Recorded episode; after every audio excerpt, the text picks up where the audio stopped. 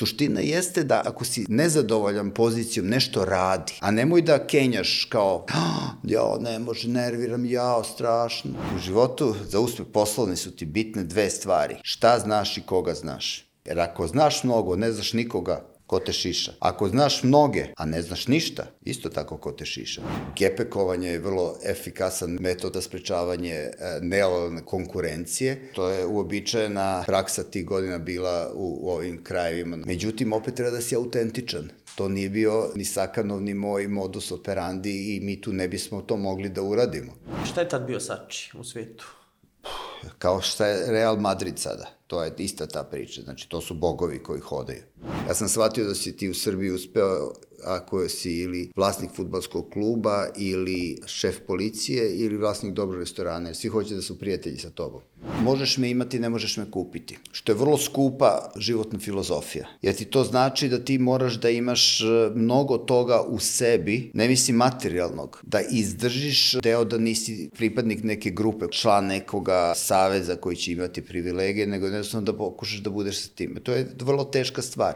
Ako tražiš jednostavan i pristupačan način za međunarodna plaćanja, Payoneer ima rešenje. Payoneer je vodeća globalna platforma za međunarodna plaćanja koja sarađuje sa freelancerima, malim, srednjim preduzećima, kompanijama i tržištima u cilju rešavanja njihovih najvećih izazova navezanih za proces plaćanja. U samo nekoliko klikova preko Pionira možeš otvoriti poslovni račun u inostranstvu. Bez obzira da li se nalaze u Americi, Evropi ili Aziji, klijenti ti veoma brzo i jednostavno mogu platiti lokalnim bankovnim transferom i tu valuti koja njima najviše odgovara. Zaboravi na beskrajnu papirologiju, s brzu online registraciju otvori račun u regionu gde su i tvoji klijenti. Link za registraciju se nalazi u opisu podcasta, bilo da gledate ili slušate.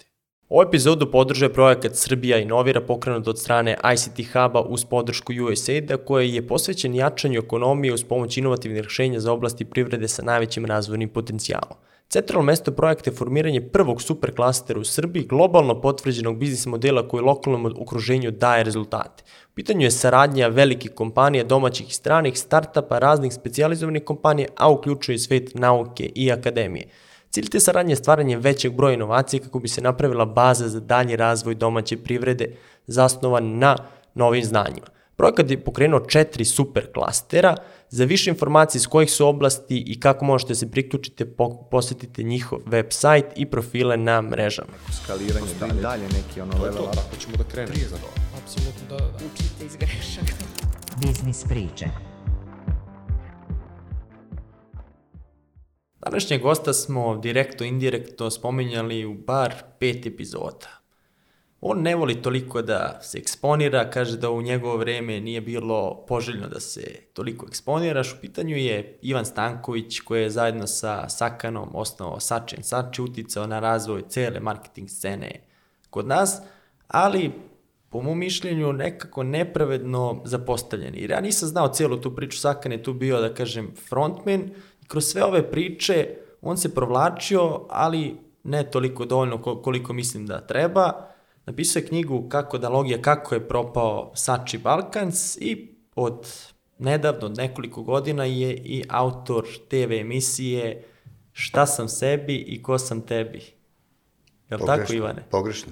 Možemo ponovo? Može. Šta sam sebi i ko sam tebi? Pip. Pogrešno. Može pomoći. Šta sam tebi Dobro. i ko sam sebi. To se bazira na percepciji brenda. Šta si ti kao brend koji obećava drugima i ko si ti u stvari. To je ta razlika koja se ovaj, e, istražuje, govori se u emisiji, to ti je ta jedna savremena paradigma razlika između percepcije i realnosti. Ali mogu komplikovanije, naziv? Pa sigurno je moglo i gluplje i komplikovanije, ali dobro, gluplje ne baš toli, nije toliko lako nadmašiti to, ali opet e, ideja je da bude provokativno, da bude nešto novo. Ja e, čitavog života se igram rečima, tako da i ova knjiga se zove Kako da logija, to je izmišljena reč. E, isto ova emisija je neka, nešto, nešto novo, ali ovo, iz muke, nisam znao kako da nazovem emisiju. Zato smo mi biznis i daj stavi priče i to je to. Biznis priče, biznis forever, biznis i neviđeno i tako dalje. Lako se pamti. Tako je. Rekao Ali ja tebe da pitam, jesmo mi rođaci neki?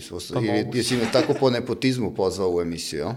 Pa jest. Dobro, rođa, hvala. Ali da kažem da je nepotizam, bilo bi možda i, i brže, ali ovako čisto da, da ne deluje baš toliko očigledno. Sad vam, sad vam je ponestalo gostiju, pa, Pa da ne, pričekali kao 80, ajde sad je pravi trenutak, neće da, što, da 80 probamo. godina ili 80, 80 epizoda? Epizode, Aha, epizode. dobro, dobro. Molim te, budi precizan, rođa. Rekli smo u biografiji da neke stvari treba da se ažuriraju, ali evo, izborili smo se sa najtežim delom, a to je naziv emisije. Mada, mada mogu da se ažiruje recimo godina rođenja, rođenja, pošto mi je Bogoljub Karić dao krštenicu 20 godina mlađe. Ozbiljno. Tako da smo još malo površnjaci. E pa to je onda trebalo da, da to je trebalo na spomenemo. početku da budemo, da sam po- podmlađen zvanično. Spomenuli smo vas u, to jest u nekoliko priča, po mojoj proceni 5-6 priča ljudi koji su bili tu, koji su izašli dobru ili iz po zlu? Sačije, po dobru.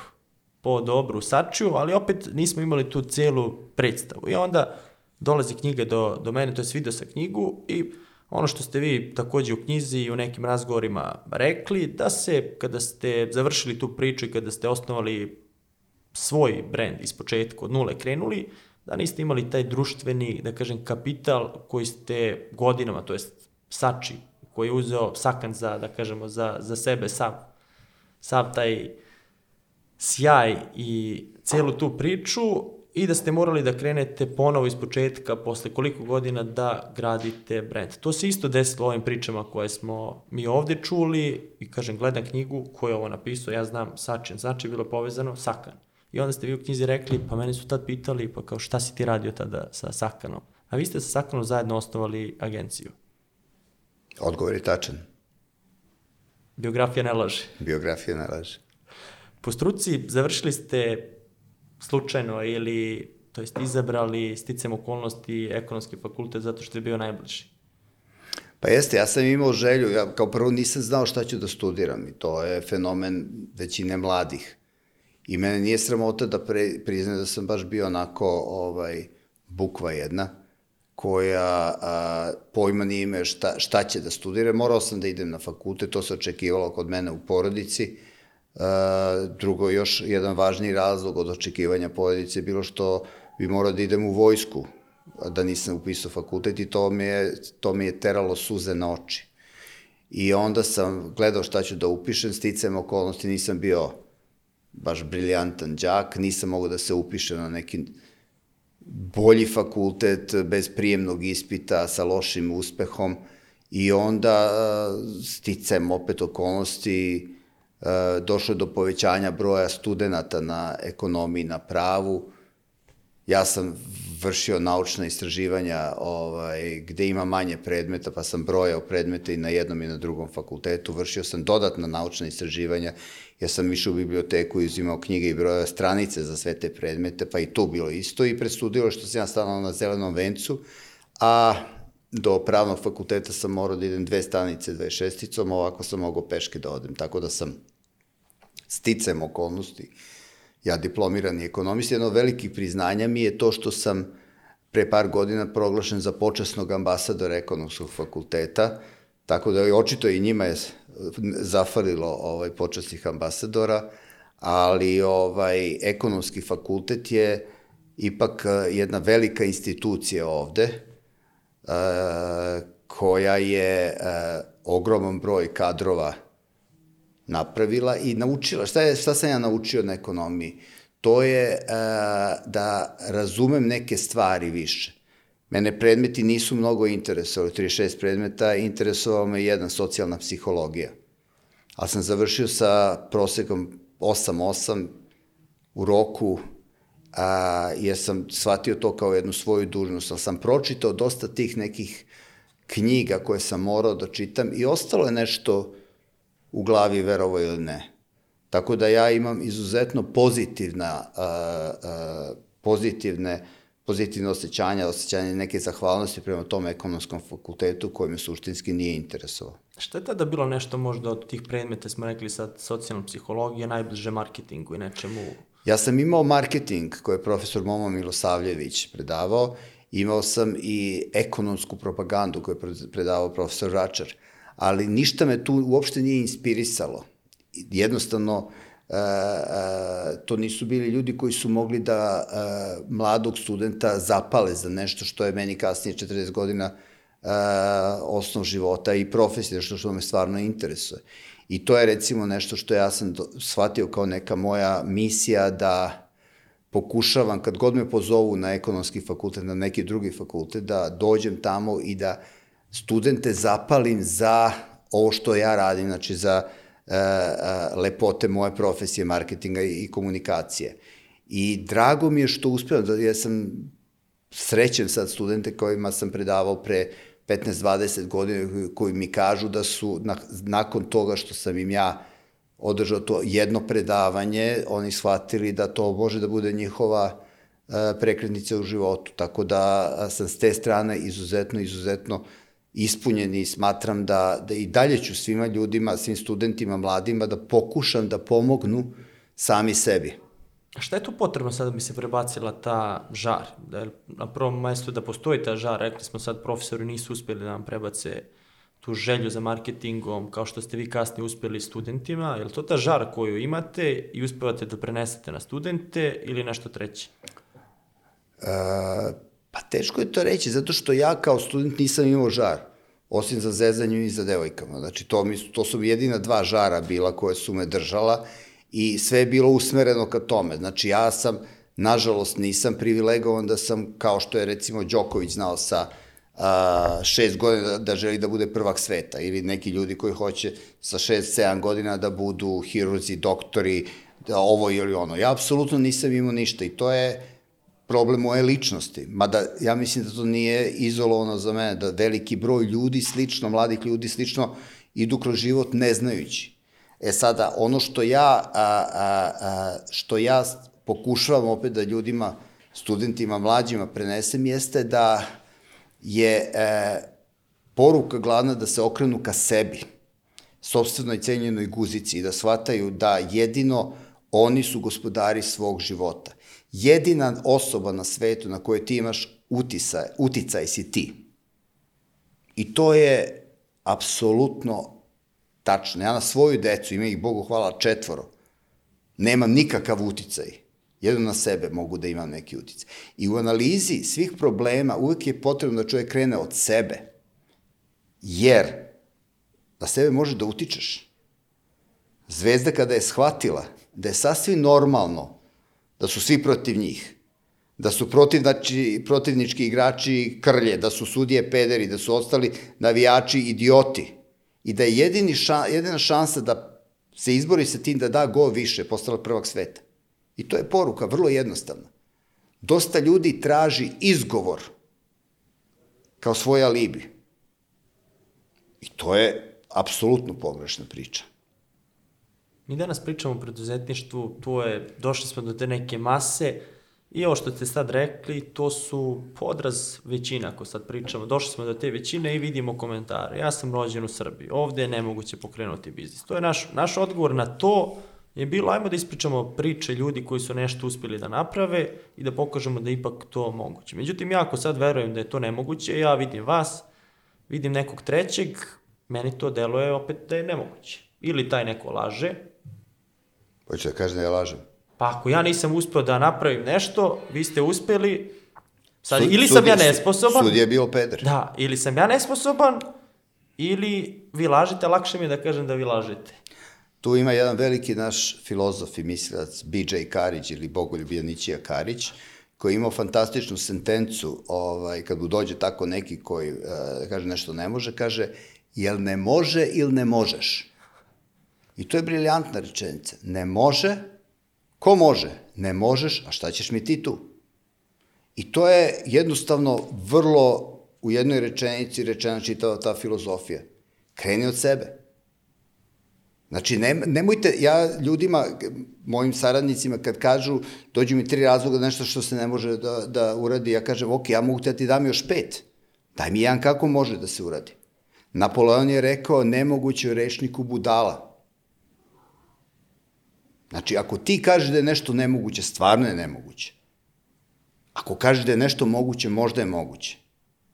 I zato kažem, tvoj stav – Tvoj kvalitet života zavisi od dve stvari.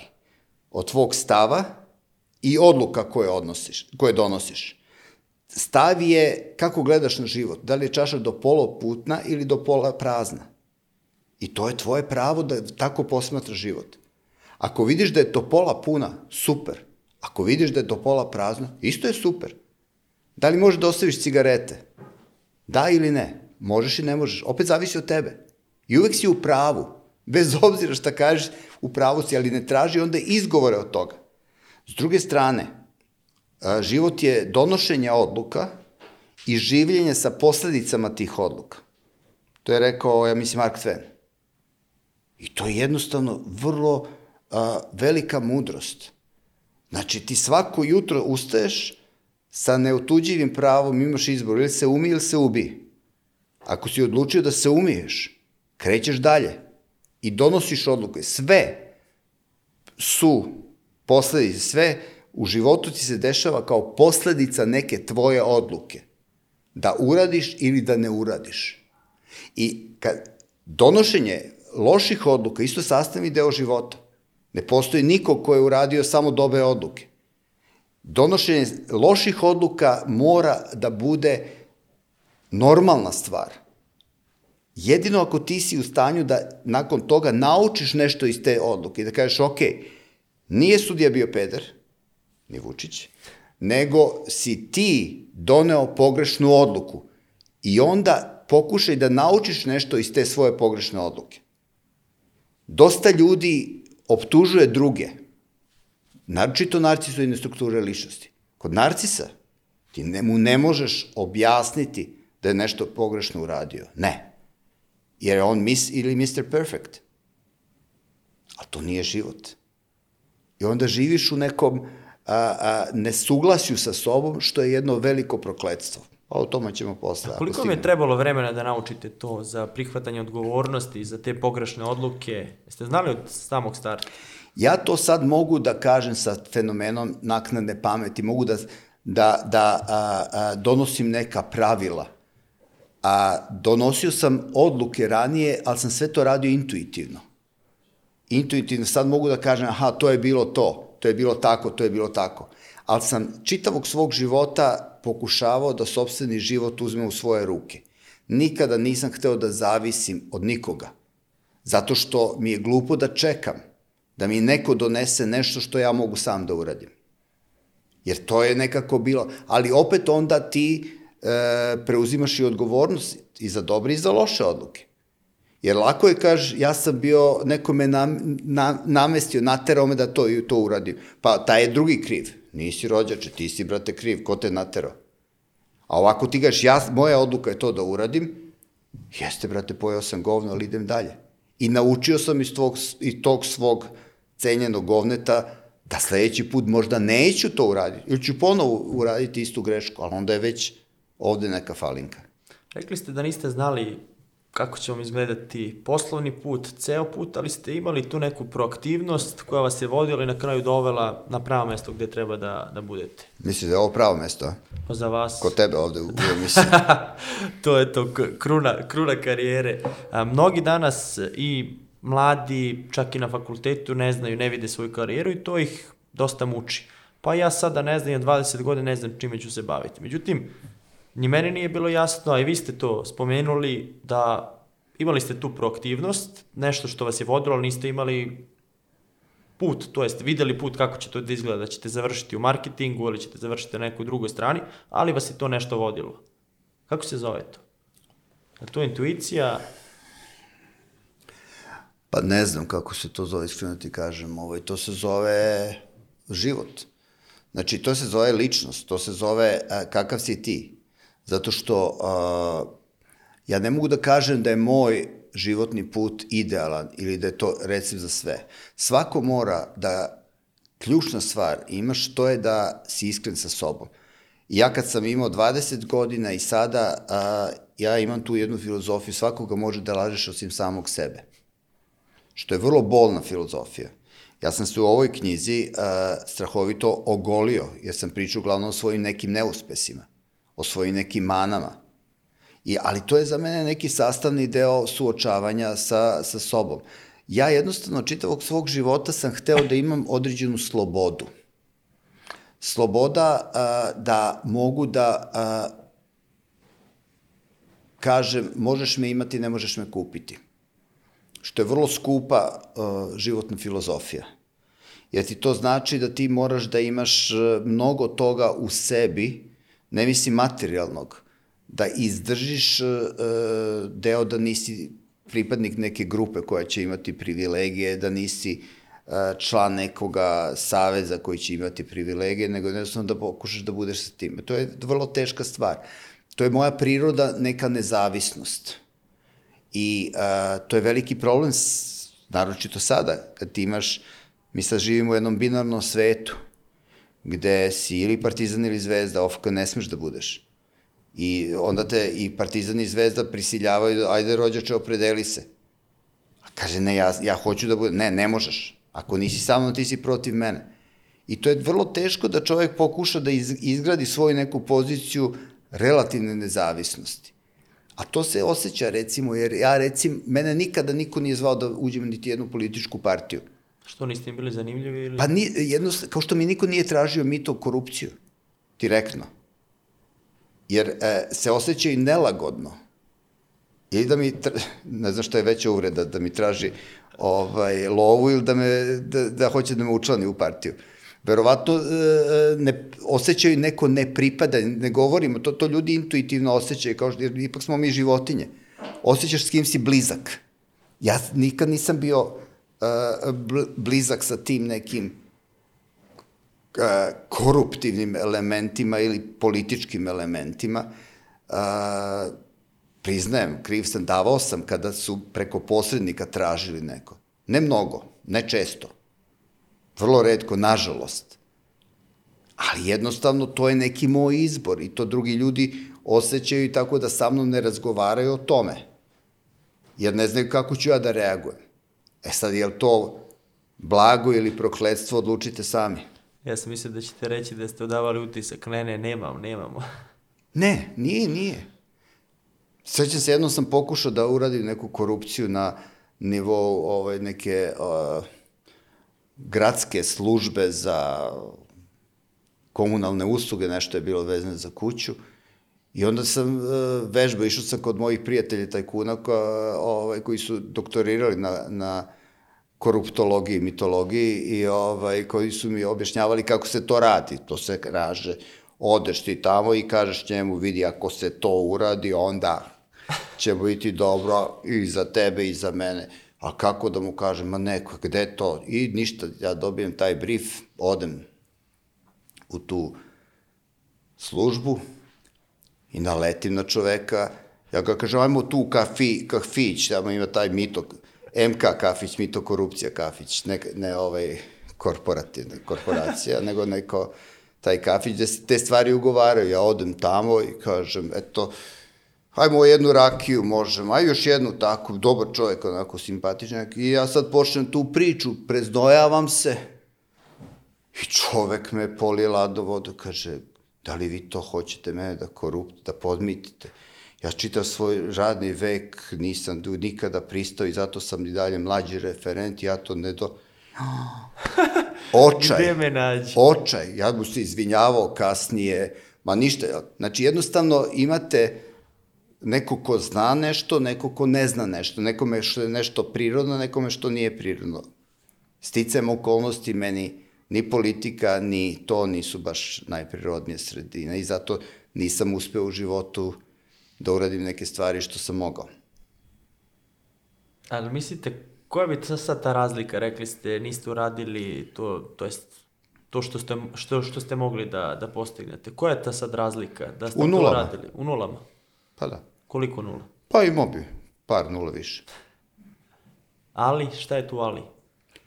E, imao sam jednog druga, to mi je opet omiljena priča, studentima često pričam to, koji je došao iz Kruševca u Beograd i koji je rekao briljantnu rečenicu koja ilustruje odgovor na ovo pitanje, to kad ja kad sam došao u Beograd, ja sve govorim, govorim, pa se zebem. E, to je priča, nisam autentičan u tome. I to se osjeća. Ti kad si autentičan, onda imaš snagu. Kad si fake, to ljudi osete. I vide nešto dismr tu, smrdi nešto to, i, nisi, nisi, nisi snažan dovoljno. I zato je vrlo bitna stvar, jeste bolje da te vole, bolje da te e, e, ne vole zbog onoga što nisi, nego vole da što, što jesi ili obrnuto. Nema Kao veze. naziv emisije. A to je novi naziv, to ćemo napraviti. To je ono na srpskom rečeno be who you are. Je li tako? Budi to što jesi. I to u okviru te tvoje ličnosti pokušaj da nađeš tačku različitosti, kreiraj neku svoju snagu, jer onda si autentičan, onda tu, tu ima snage. Onog trenutka kad se pretvaraš, osnov za propast. Jel mislite sad da vam je to bilo možda i sreća, to što su mogli i oni da prepoznaju i tu vašu energiju, da niste u tom fazonu, da je sreća, jer da je drugačije, možda je bilo, i to jest bilo bi više takvih ponude, možda biste i vi Šta je sreća, šta je nesreća? Znači imaš sad ma, ma, masa ljudi, znači on kaže, e, dete sreće. Dete sreće možda bude na, na lotu da je dobio sedmicu. A ti si dete nesreće jer te mrzelo da uplatiš taj loto. Prema tome, a, osnov za sreću ti je između ostalog da se trudiš, da juriš tu sreću, jer sreća ne čeka ovako da te tresne u, u glavu. Sreća nije proizvod inspiracije, nego perspiracije. Moraš se truditi. Non stop. Tako da to, ti, to je jednostavno, ne možeš da onako čekaš, razmišljaš i ono puh, pukne te sreće u glavu. Ako radiš, ako se trudiš, doći će ti. Nekada sreća, nekada neće, ali ćeš, imaš veće šanse da dobiješ tu. Mislio sam na to da, kaže, pošto niste odavali taj utisak, niste morali da dođete u iskušenje, jer da ste odavali, imali biste više prilike da dođete u iskušenje, pričali smo sad i za, za mito, ali ta cijela priča me zaličila na ovo što se skoro dogodilo kada je čovjek baš u isto jednoj javnoj instituciji uz dokumente stavio 200 evra, neko mu je rekao da se to tako i naravno prijavili su ga. Jeste videli to? Ne, nisam video, ali imaš ljude koji su doktori za mitokorupciju, imaš, to je fantastična priča.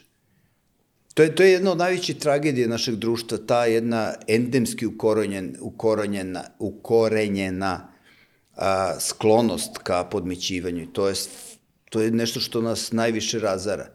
Da vi imate legitimnost korupcije. Znači, everybody's crowding.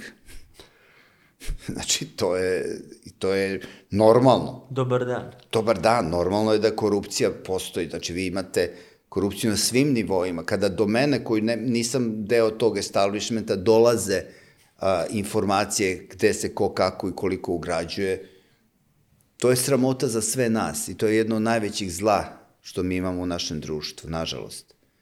I sramota je to. I prema nama i prema strancima, a katastrofa za našu decu, jer će nas pratiti taj a, oreol koruptivnog naroda.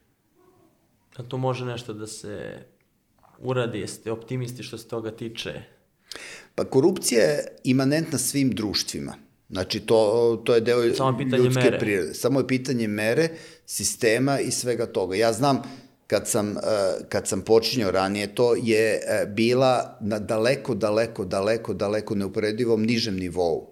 I bila je više incident nego eh, endemska pojava kao što je sada. Sada vi imate korupciju na svim nivoima. I kad se nešto desi, ja, e, kad sam dobio neke dozvole što sam radio, a, kucajući na šalter, bez da sam bilo koga zvao, bio sam šokiran da to nešto funkcioniše. A onda opet, e, sećam se, hteo sam da, da uzao sam neku zgradu u Zemunu pre 15-20, ne znam koliko ima godina, i hteo sam da ka- agenciju tamo i znao sam tada, ovaj, kako se zove, te neke koji izdaju dozvole, pa sam otišao ovaj, tamo na razgovore i taj koji je bio glavni je rekao, znamo se kao drugari, ma nema problema, to će ti biti sve urađeno, javi se tamo Peri, Pera je mislio da je ovaj uzeo lovu, pa nije hteo da radi, onda Perini činovnici su mislili da su Pera i šef uzeli lovu, pa nisu hteli da radi, ja nikad nisam nisam dobio. Da mi je neko tražio lovu, pa da kažem, ok, daću. Međutim, njima je bio blam da mi traže lovu. Tako da mi to, uopšte nikad nisam uspeo da to, tu radim adaptaciju. Utisak vas izvukao. Pa da, da što? Pa taj utisak koji vas prati, da, da ljudi Pa ne, da ne traže... nije, kak, pa u- uništio mi je. Znači, ja sam tamo mogu fantastično najbolje kancelarije da imam uh, u gradu. Ali jednostavno nisam došao kao, rekao mi, šef mi je rekao da će sve biti, bit će ti završeno. Hodem kod drugog, ma nema burazeru problema kao druga. Rekao, ma da, to je to. Odem tamo, idi kod njega, idem kod njega. Svi, kažu, kako da ne, sve će biti u redu. Stojim, nisu ti uradili, sad ću to Au. zove. Tako da sam bio tu, ono, uši su mi malo porasle, i a, i a, ali, ovaj, dobro. Nakon fakulteta prvo zaposlenje, opet, kako ste se našli tu? Država bezbednost, E, ne, fazon je u tome što je jednostavno e, slučajnosti su mi se deša, dešavale u životu i vodile su me. A ja sam dolazio do tih slučajnosti. Nisam sedeo, nego sam, to je ono, čera ze, e, e, zeca išćera smeđeda.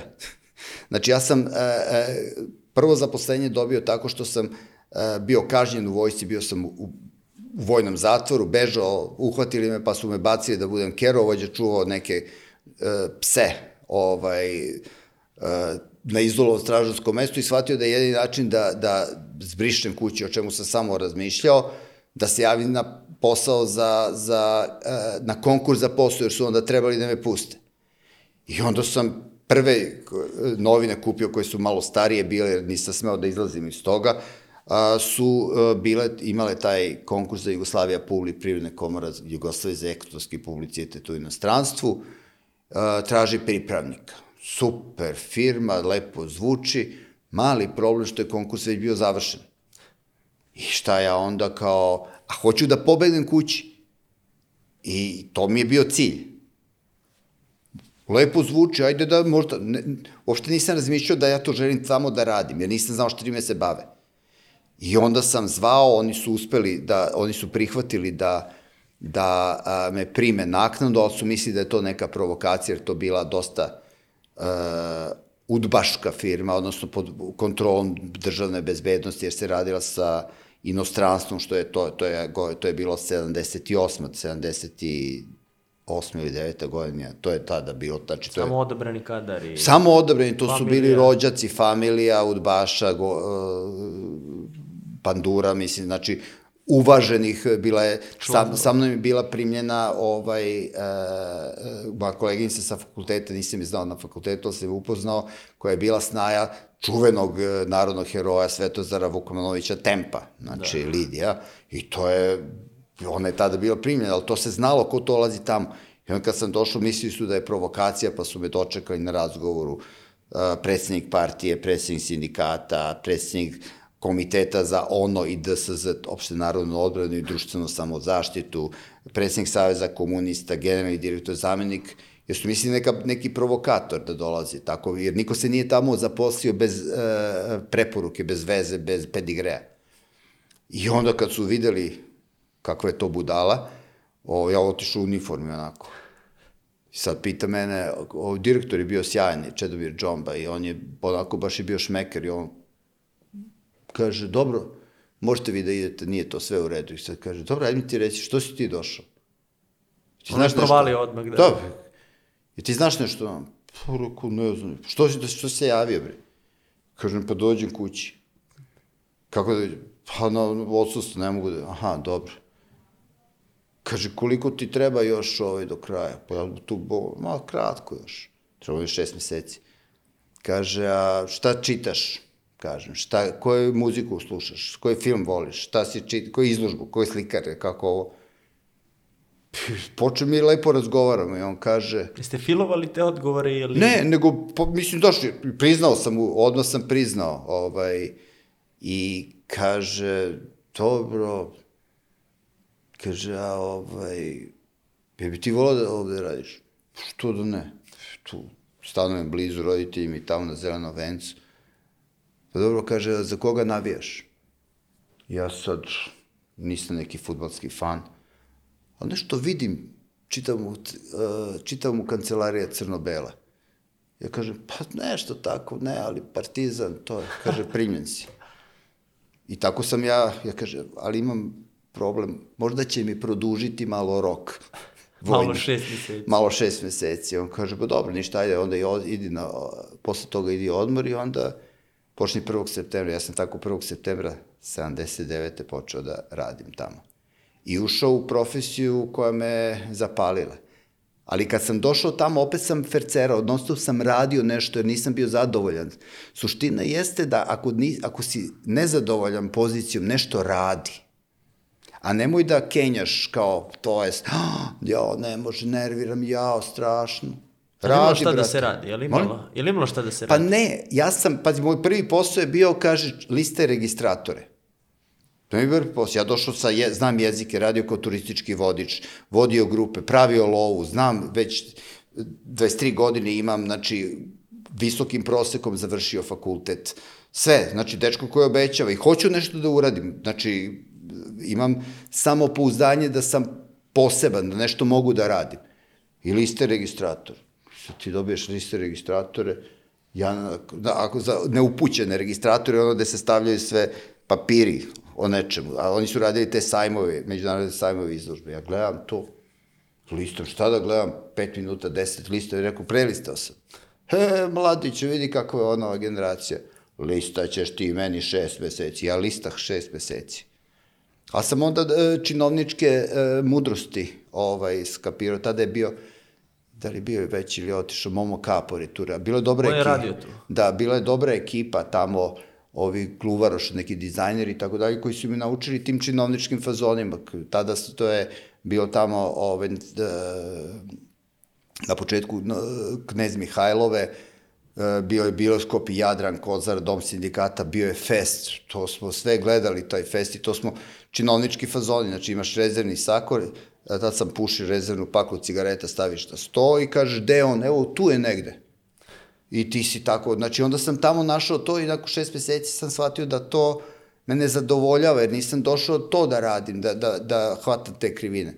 Hoću nešto da uradim, pa sam onda tražio da budem premešten u taj neki sektor marketinga. Bio sam u tom najprestižnijem sektoru sajmovi izložbe, jer to je bio vrhunac kulminacije. Ti odeš na sajam, dobiješ dnevnice, lapiš ovde, dobiješ ovo, Bog da te vidi, ne radiš i tamo si na sajmu ko Bog. To su išli, odeš na sajam u Karakasu, u Bogotu, u, u Bagdad, u Bosku, znači to su po mesec, mesec i po dana, to je bilo ta priča.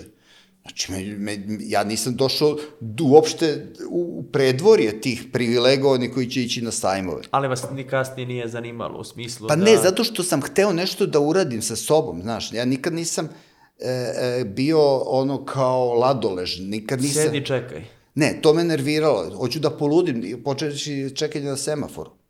Radije ću ići dužim putem, nego da čekam na semaforu. I onda sam tražio, pa sam išao taj neki drugi sektor marketinga, Pa sam i tamo nešto radio, ali sam onda shvatio da ta nije sredina, pa sam hteo dalje da idem. I stalno, čitavog svog života sam, nisam možda znao šta hoću, ali sam znao šta neću. Neću da budem uh, u, u nečijoj tuđoj zavisnosti. Radit ću preuzeti, loše ću živeti, ali ću se truditi da ja radim. Radio sam više poslova. Dok sam to radio, radio sam a, kao turistički vodič, pa sam vodio te neke VIP grupe, američke novinare, strane novinare i tu sam uzim, uzimao neku dodatnu lovu, jer sam dosta skromno živeo, znači imao sam, tamo nije bila neka velika plata, nisam hteo od roditelja da uzimam, uh, sa 27 godina sam dobio prvo dete, čerku, i uvek smo se uh, sami izdržavali, ja nisam hteo da uzimam lovu od roditelja, zato što jednostavno to mi nije bilo uh, neki moj uh, način života. Od tih spomenuli ste u nekoj priči, šta ste naučili još od tih manguba sa posla, činovničkog, što ste kasnije primenili u svom poslu? Pa ne znam šta sam naučio. Naučio sam to da je to jednostavno, to je bilo više zezanje, znate, to je bilo ti, e, te neke gluposti, činovničko smeštanje. Ja sad to gledam sa, sa neke distance, ovaj, e, ništa dobrog nisam tamo naučio. Generalno, znači, ge, generalno ništa nisam ništa mogao... Ništa korisno nije moglo da se izvuče. Uh, ja nisam našao, drugi jesu možda, znači, ali opet kažem ti, ja ne, ne kažem da sam u pravu, ali š, nešto što je meni, što bi meni mogo da odgovara, moj tip, mom tipu ličnosti, to ne. Suština, kad govorimo o, pravilima menadžmenta, o generalno nekim životnim pravilima, mnogo toga zavisi od toga kakav si ti kao ličnost. I sve treba prilagoditi tvom tipu ličnosti, jer onda da radiš nešto što je u skladu sa tobom. Kad radiš nešto što nije u skladu sa tobom, to je opet taj neki fake, to dolazi do, do rizika da će nešto otići neka mas u propas. I zato je to vrlo bitna stvar, znači, opet na srpskom, be who you are. Nema pretvaranja. Pa pretvaranje te skupo košta. I Na duže staze. Na duže staze imaš tu neku, svi se malo foliramo, pretvaramo da smo malo bolji, ali suštinski ako živiš neki neistiniti život, onda ti se to uh, javlja strukturalna pukotina u organizmu koju pokušavaš da kompen, kompenzuješ sa nekim ponašanjima ili čak to ode na neke ovaj fiziološke promene u organizmu, pa imaš ili neki udar ili imaš čir ili imaš e, grčeve, stres i tako dalje. Tako da zato ne možeš da e, ne možeš, ne smeš da budeš neko drugi. Budi tu, ti što jesi, što je vrlo teško. Dolazimo u sektor marketinga, nešto možda i najbliže do tog trenutka marketingu. Na šta je to ličilo? Šta je tada bio marketing? Šta se podrazumevalo pod marketingom u socijalizmu? Pa vidi, ja sam, znači, uh, iz tog Jugoslavija publika pobegao u, u, u, u, medicinsku knjigu izdavačku firmu koja se bavila izdavanjem medicinske literature i postao sa šef propagande, jedan od najmlađih. I to bi bio izazov, gde sam vrlo brzo postigao određene rezultate. Međutim, a, strašno bitna stvar, opet za mene, verovatno za većinu ljudi, jeste da ti imaš neki izazov koji te tera da si bolji nego što jesi. Da te zapali nešto. I tu sam ja jedan segment taj prodaja preko pouzeća uhvatio i ogromne neke procente povećanja i tako dalje, i, ali me nije jednostavno to inspirisalo. Pa sam onda unapređen, posle sam direktor marketinga, jedan od najmlađih u Jugoslaviji. Ali ni to jednostavno, ta sredina, ta oblast me nije palila. I tu sam onako opet počeo da tavorim, nešto nisam bio zadovoljan, ali sticam okolnosti, onda sam ušao u neku priču, ovaj, u struku, preko nekih ljudi, uh, gde jedan od pionira savremenog marketinga kod nas, Josef Lončar, odigrao dosta veliku ulogu kao prosvetitelj i organizovao, dosta tih nekih stručnih skupova. Ja sam s tim imao zbog jezika, zbog svega toga, to je 83. godine, je u Beogradu bilo prvo uh, međunarodni taj IA, International Advertising Association skup, gde sam ja kao dečko koji obećava bio tom nešto radio u toj organizaciji, upoznao predsjednika McKen Ericksona za Ameriku. Bio mu domaćin ovde. I on se zeznuo i pozvao me, kaže, dođi ti, ovaj, ako hoćeš malo kod nas, na praksu i tako dalje. I ja sam to onda iskoristio, ovaj, e, e, kad sam punio 30 godina, otišao sam u Ameriku, to je bilo 85. godine, kako bi nešto pokušao to da uradim. Ja sam imao ambiciju da dovedem McKen u Jugoslaviju, ne da ostanem tamo. A, I tamo sam proveo na jedno vreme, e, video tamo šta, kako oni rade. Je li bio šok sad? Dolazimo iz jednog sistema u drugi što se tiče marketinga, biznisa. Sve bre šok. Mislim, to je, to opet citiram, citiram BJ Karića, tragedija i katastrofa, da što je to ličilo. Ja kad sam otišao tamo, znaš, ono, ulaziš u, u, u hram uh, te profesije, mislim, baš je onako bilo nešto... Mad Men. Pa jeste, već su e, pokojni bili Madmenovi, ali je opet je bio ta neka... Ja sam bio u doba kada se e, radi, kad je Coca-Cola, McKinney Erickson je bio agencija za Coca-Colu, kad je radila jednu najvećih fijaska, kad su pravili taj New Coke, e, recepturu, novu, ogromne lovu utucali i sve su pucali pogrešno. I to je bio jedan od najvećih neuspeha u, u istoriji marketinga. I onda sam tamo nešto radio, nisam mnogo radio, više sam se zezao, moram da priznam, jer sam uh, da, najbolje se osjećao u produkciji. Nisu znali šta da rade samo, znaš, ono, kad ti dođe neko ovako, kao na neku malu praksu, treba neko da se bavi, a u produkciji uvek bilo neko zezanje, put, uh, putovanja, snimanja, ovo, tako da sam najviše vremena tamo radio, ali sam video šta bi ja tu mogao da gledam i imao sam cilj da, do, uh, da ih ubedim da budem prvi njihov uh, zastupnik iza čelične zavese Jugoslavije, znači to je 85. godina. I, međutim, opet tražiš nešto, dobiješ drugo. ja dobijem ponudu da ostanem tamo u Americi, taj John Bergin koji je bio predsednik, koji je bio ta veza, mi ponudi, kaže, vidi, ti si... Koja do, pozicija? A, početnik. Znači, totalni početnik ovaj, sa, moj, sa fakultetom, što je bila, recimo, tada plata 18.000 dolara godišnje, to 85. godina, koja je moglo da ste nekako živi, ali opet, e, što bi rekli, na guzove. A koliko ste ovde imali pre toga, kad ne ste znam, otišli? Ne znam, mislim, daleko, daleko manje. Ali sam ovde imao jedan kvalitet života, da sam dobio, trebala je druga čerka da se rodi, a, znaš, ti sa tom lovom, kad si samac, pa još možeš da živiš negde u Brooklyn, Brooklynu, putuješ sa nekim tim prečima, ali ako imaš dete, drugo dete dolazi, svaki borava, po, poseta lekaru je, ono, e, zveče uši. I on mi je rekao, vidi, ja ti ne mogu, uh, ja mogu da ti dam tu lovu, uh, to je princip naš, s obzirom na to kako imaš iskustvo ili neiskustvo, ovaj, a, ali a, sam siguran da ćeš ti do kraja godine to duplirat, za godinu, dve ćeš već imati stotku, što je bila ogromna lova. Ja sam rekao, ali to mene ne interesuje, ja hoću da vi dođete. Kaže, ne, ne, nad me je to još rano.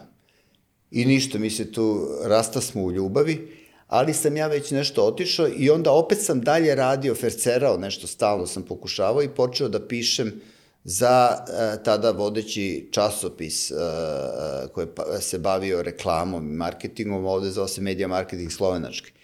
I počeo da pišem u svakom broju članke, tako da sam bio jedan od e, e, najaktivnijih autora koji je, koji je objavljivao I tu sam nešto pisao, imao stavove, nešto, stručne članke sam pisao.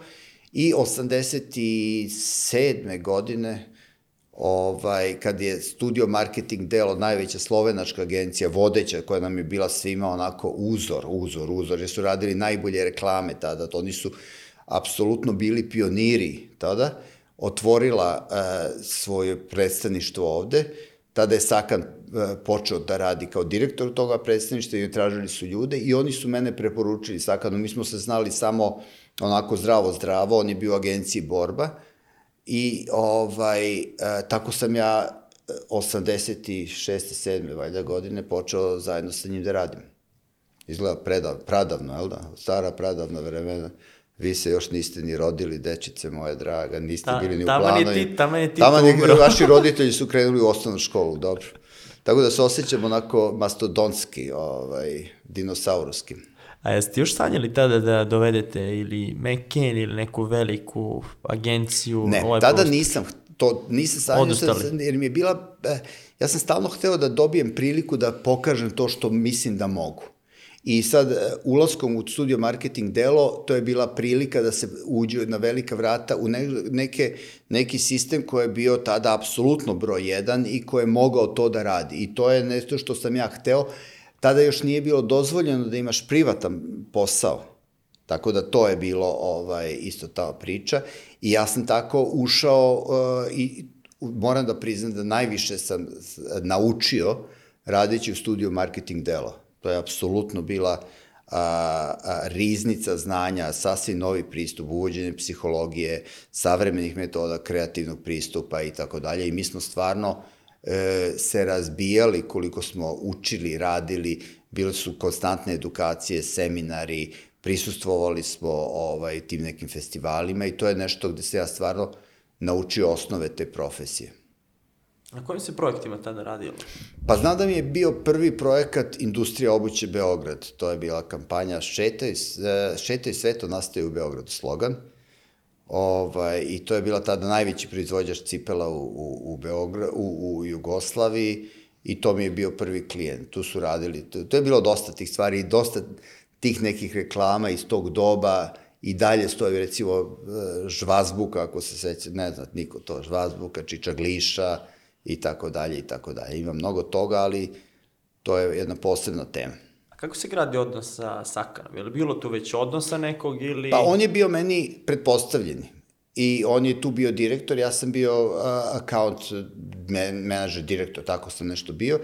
I ovaj, mi smo tu počeli da radimo ok i onda smo počeli da se sukobljavamo na kreativnom delu, zašto uh, sam ja sebe smatrao da ja, sam ja isto kreativan, on je do, nije dozvoljavao da osim njega niko ne bude kreativan i tu smo imali, tu su bili neki sukobi. To je bilo tako da je kulminiralo pri kraju, ja sam e, odlučio da tad se već počinjalo da, da se dozvoljava privatna praksa, ja sam tada odlučio da ću napraviti, da ću izaći iz studija marketing delo i da ću napraviti svoju privatnu agenciju koja će njemu pokazati kako se radi. Šta je tada trebalo da bi se osnovala agencija? Tada se, mo, ranije nisi mogao, po zakonu da. bi bilo zabranjeno Nakon što su registrovali, to jest Nakon, nakon što je registrovano, to je trebalo, si, znači, kao privatno preduzeće da registruješ, tako Mislim da se... od kapitala. Pa generalno problem sa reklamnom profesijom jesu da, da su ti barijere za ulazak u granu vrlo niske. Znači, tebi je potrebno sada kompjuter, telefon i klijent. Ništa više. Tada, e, si, sad si ti mogao, tad si to mogao da radiš i bez kompjutera, jer nije bilo kompjutera. Tako da je ovaj bilo to, ja sam verovao u sebe da mogu da radim dobre stvari, verovao sam da sam kreativan, da sam sposoban i hteo sam da radim po svome. Imao sam muda da donesem takvu odluku. A jeste razmišljali za klijente? Jeste mogli prebacite nekog iz... Nisam hteo. Ja Niste sam, hteli. ja sam takav da, da jednostavno kad ostavljam, ostavljam sve. Nisam jednostavno, ni- nisam razmišljao, nego sam znao, e, opet je to neko možda plitkoumno razmišljenje, nego sam jednostavno intuitivno kažem, a ne, to, ja ću to krenuti, pa znam ove, znam ove, pa ću napasti te. Tako To je da, zanimljivo, malo ću sad da, da preskočim taj deo kad smo se već dotakli teme, rekli ste ok, nisam teo da uzimam njima klijente, to je moj princip, kasnije vidjet ćemo šta se sve kasnije dešavalo, ali ljudi su iz sistema koji ste vi pravili, odvažili se, otvarali svoje agencije, kako je tu iskustvo sad bilo, jer su oni vodili se tim principom kojim ste se vi vodili ili je bilo malo drugačije? Kamo sreće, kamo sreće, pa nas su svi koji su mogli su nas pokrali. Znači, uzimali su i klijente i neki su pravili i, i ljude, neki su nam uzimali, neki su otvarali ovaj e, agencije preko naših poznata, ja znam tačno znači ljude koje sam ja e, obučio, dao im know-how, povezao ih sa ljudima, su pravili svoje agencije. Tako da to je jedna dosta bolna i tužna priča, ali dobro, to je Niste deo... uspeli tu praksu da im prebacite? Kako praksu? Pa da ih naučite to što se tiče klijenata, taj vaš princip, Pa niste do- uspeli da... Pa to je moralna priča, znaš, to su moralne priče, te ljudi koji su mi se kleli da u životu neće da, ovaj, da, da, a, uvek, uvek to je jedan model, znaš, ti uvek, pogotovo a, su ta bolna iskustva sa ljudima koje si ti praktično napravio, a, uzeo, ne sa ulice, ali znači u nekoj teškoj situaciji, pa ih obučio, razvio, To je kao, znaš, onako, neko ko je smrzao se na ulici, ti ga ubaciš u kuću, nahraniš ga, obučeš, pa ga prihvatiš tu, pa ga malo pomogneš, pa letuje sa vama, druži se sa vama i tako dalje. Na kraju ti uzme i ženu, i decu, i, i televizor. I, i. Tako da, to je, nažalost, vezano za e, moral određenih ličnosti. Mi smo imali tu ovaj alternativu GPEC strategije. Znači što se što je uobičajena praksa tih godina bila u, u ovim krajevima, znači gepekovanje je vrlo efikasan met, metod za sprečavanje e, nelojalne kur- konkurencije. Međutim, opet treba da si autentičan. To nije bio e, ni Sakanov, ni moj modus operandi i mi tu ne bismo to mogli da uradimo Znači ništa od Gepeka. što kaže, to ima uh, jedna divna knjiga uh, Management na mafijaški Mafijaški način. način. I ima tu ovaj, citat jednog uvaženog filozofa i mislioca iz te branše, Alfonsa, skraćeno Al Capone, koji je rekao tačno je da lepa reč i e, otvara mnoga vrata, ali lepa reč i pištolj je daleko efikasnija. Tako da, ovaj, ali dobro, to je gospodin Capone u skladu sa svojim Filozofijom. personalitijem i sa svojom ličnošću bio daleko ovaj, bolji promoter te, te životne filozofije nego što smo ni Saka ni ja mogli. A kako ste vi izlazili iz tih situacija? Rekli smo, rane kuće da te ujede, situacija, kako ste vi, pa zanima te baš prvi put kad se to desilo, kako ste vi izašli iz te situacije? Naravno Pa da se bolno. pogodilo, ali... Pa bolno. Mislim, ne možeš to, znaš, onako, to ti je kao kad te devojka, žena, dečko, ostavi. Znači, to je užasno bolo, izdao te, ukrao ti je. Šta sad imaš, znači, to, to je jedna teška rana na srcu tvome. A, krvariš, a, pominješ mu familiju, kažeš da je govno, sve to najgore, ali ideš dalje. Znači, nemaš šta, ili se umi ili se ubi. Ili nešto preduzmi. Znači, ja ne mogu, šta da ja mogu da preduzmem, da ga pretučem? Ne mogu. Da ga tužim? Ne mogu. Da kažem da je govno, to mogu. I da se bavim sobom kako da to dalje uradim, to isto tako mogu. Znači, samo to mogu da uradim. Mogla se nauči nešto iz tog bar prvog puta za sledeći put, ili ne?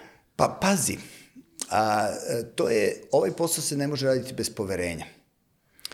Ovaj posao se ne može raditi bez delegiranja, bez tima i bez delegiranja određenih, uh, određenih uh, kontakata, veza drugima. I to je, to je sastavni deo posla. Ne možeš to da, da, da, da odradiš. Znači, a onda vrlo dođe, znaš, pogotovo sad ti nešto... I to imaš, u svakoj poslu imaš fenomen da ljudi koji, pa čoveče, ja sve radim, a on uzima, on je šta, pa ja sam to klijenta radim, ma, ja sve to uradim.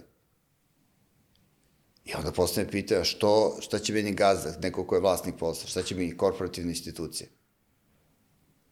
E, to je, to je jednostavno, ne zavisi, sad ti imaš dve opcije, ili da pokušaš da napraviš 100% kontrolu, što je nemoguće.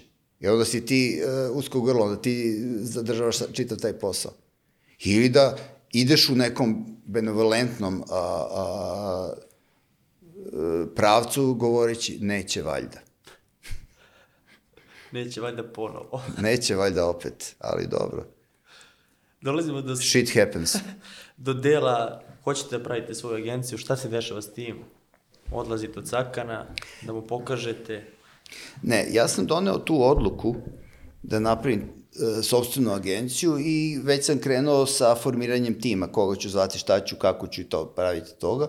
I u tom trenutku mene zovu i Sačija, koje sam ja ranije upoznao te neke ljude. Tad se e, dešava pad Berlinskog zida i počinje ekspanzija Sačija na istok. Šta je tad bio Sači u svetu? Kao šta je Real Madrid sada. To je ista ta priča. Znači, to su bogovi koji hodaju. Znači, to ti je bio vrhunac kulminacije profesije, znači ne, najkreativnija uh, agencija na svetu, najglamuroznija, oni su prvi uveli self-promotion kao vrlo bitan deo uh, svoje poslovne politike. Imate tu jedna priča o Sači braći, kad su trebali, ovaj, imali su ugovor sa svojim nekim kreativnim direktorom ili ne znam, neki big boss, da ukoliko se dobije neki klijent ili tako nešto, ovi će mu dati Ferrari, što je mislio izgledalo nemoguće.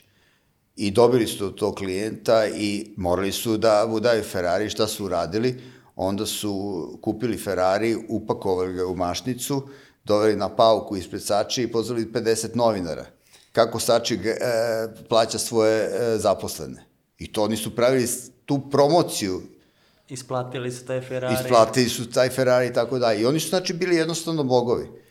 I to je bilo, ovaj, da ja kažem kao igraš futbol u malom radniku iz Obrenovca i sad dođe Mourinho da te zove u Real Madrid. To je ista ta priča.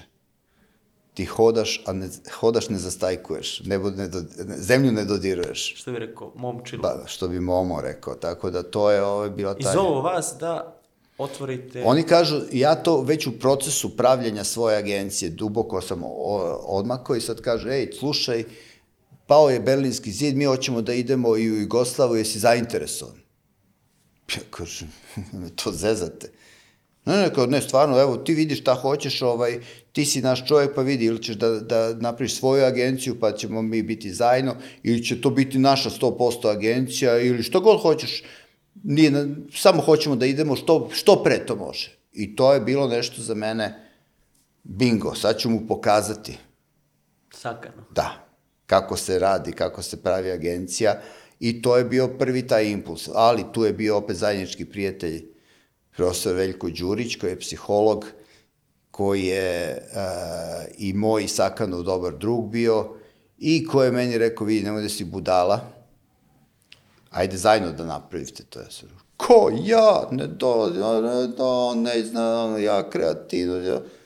Čekaj, nemoj da si to vidiš, ti imaš ovo, on ima ovo, ti si bolje ovo, ne, ja to moću sve, čekaj. Koje su to stvari, rekli ste sad, on ima ovo, ja imam ovo, On šta je, je to bilo? e, bio, on je bio poznatiji tada. A I koja je razlika u godinama bila? E, on je četiri i po godine stariji ili pet, četa, ta, između četiri i pet godine Znači stariji. on je poznati, Ali on je, pa, on je bio kreativni direktor, ja, on je bio, on je stvarno napravio čudo u agenciji borbe, znači on je već bio veliko ime.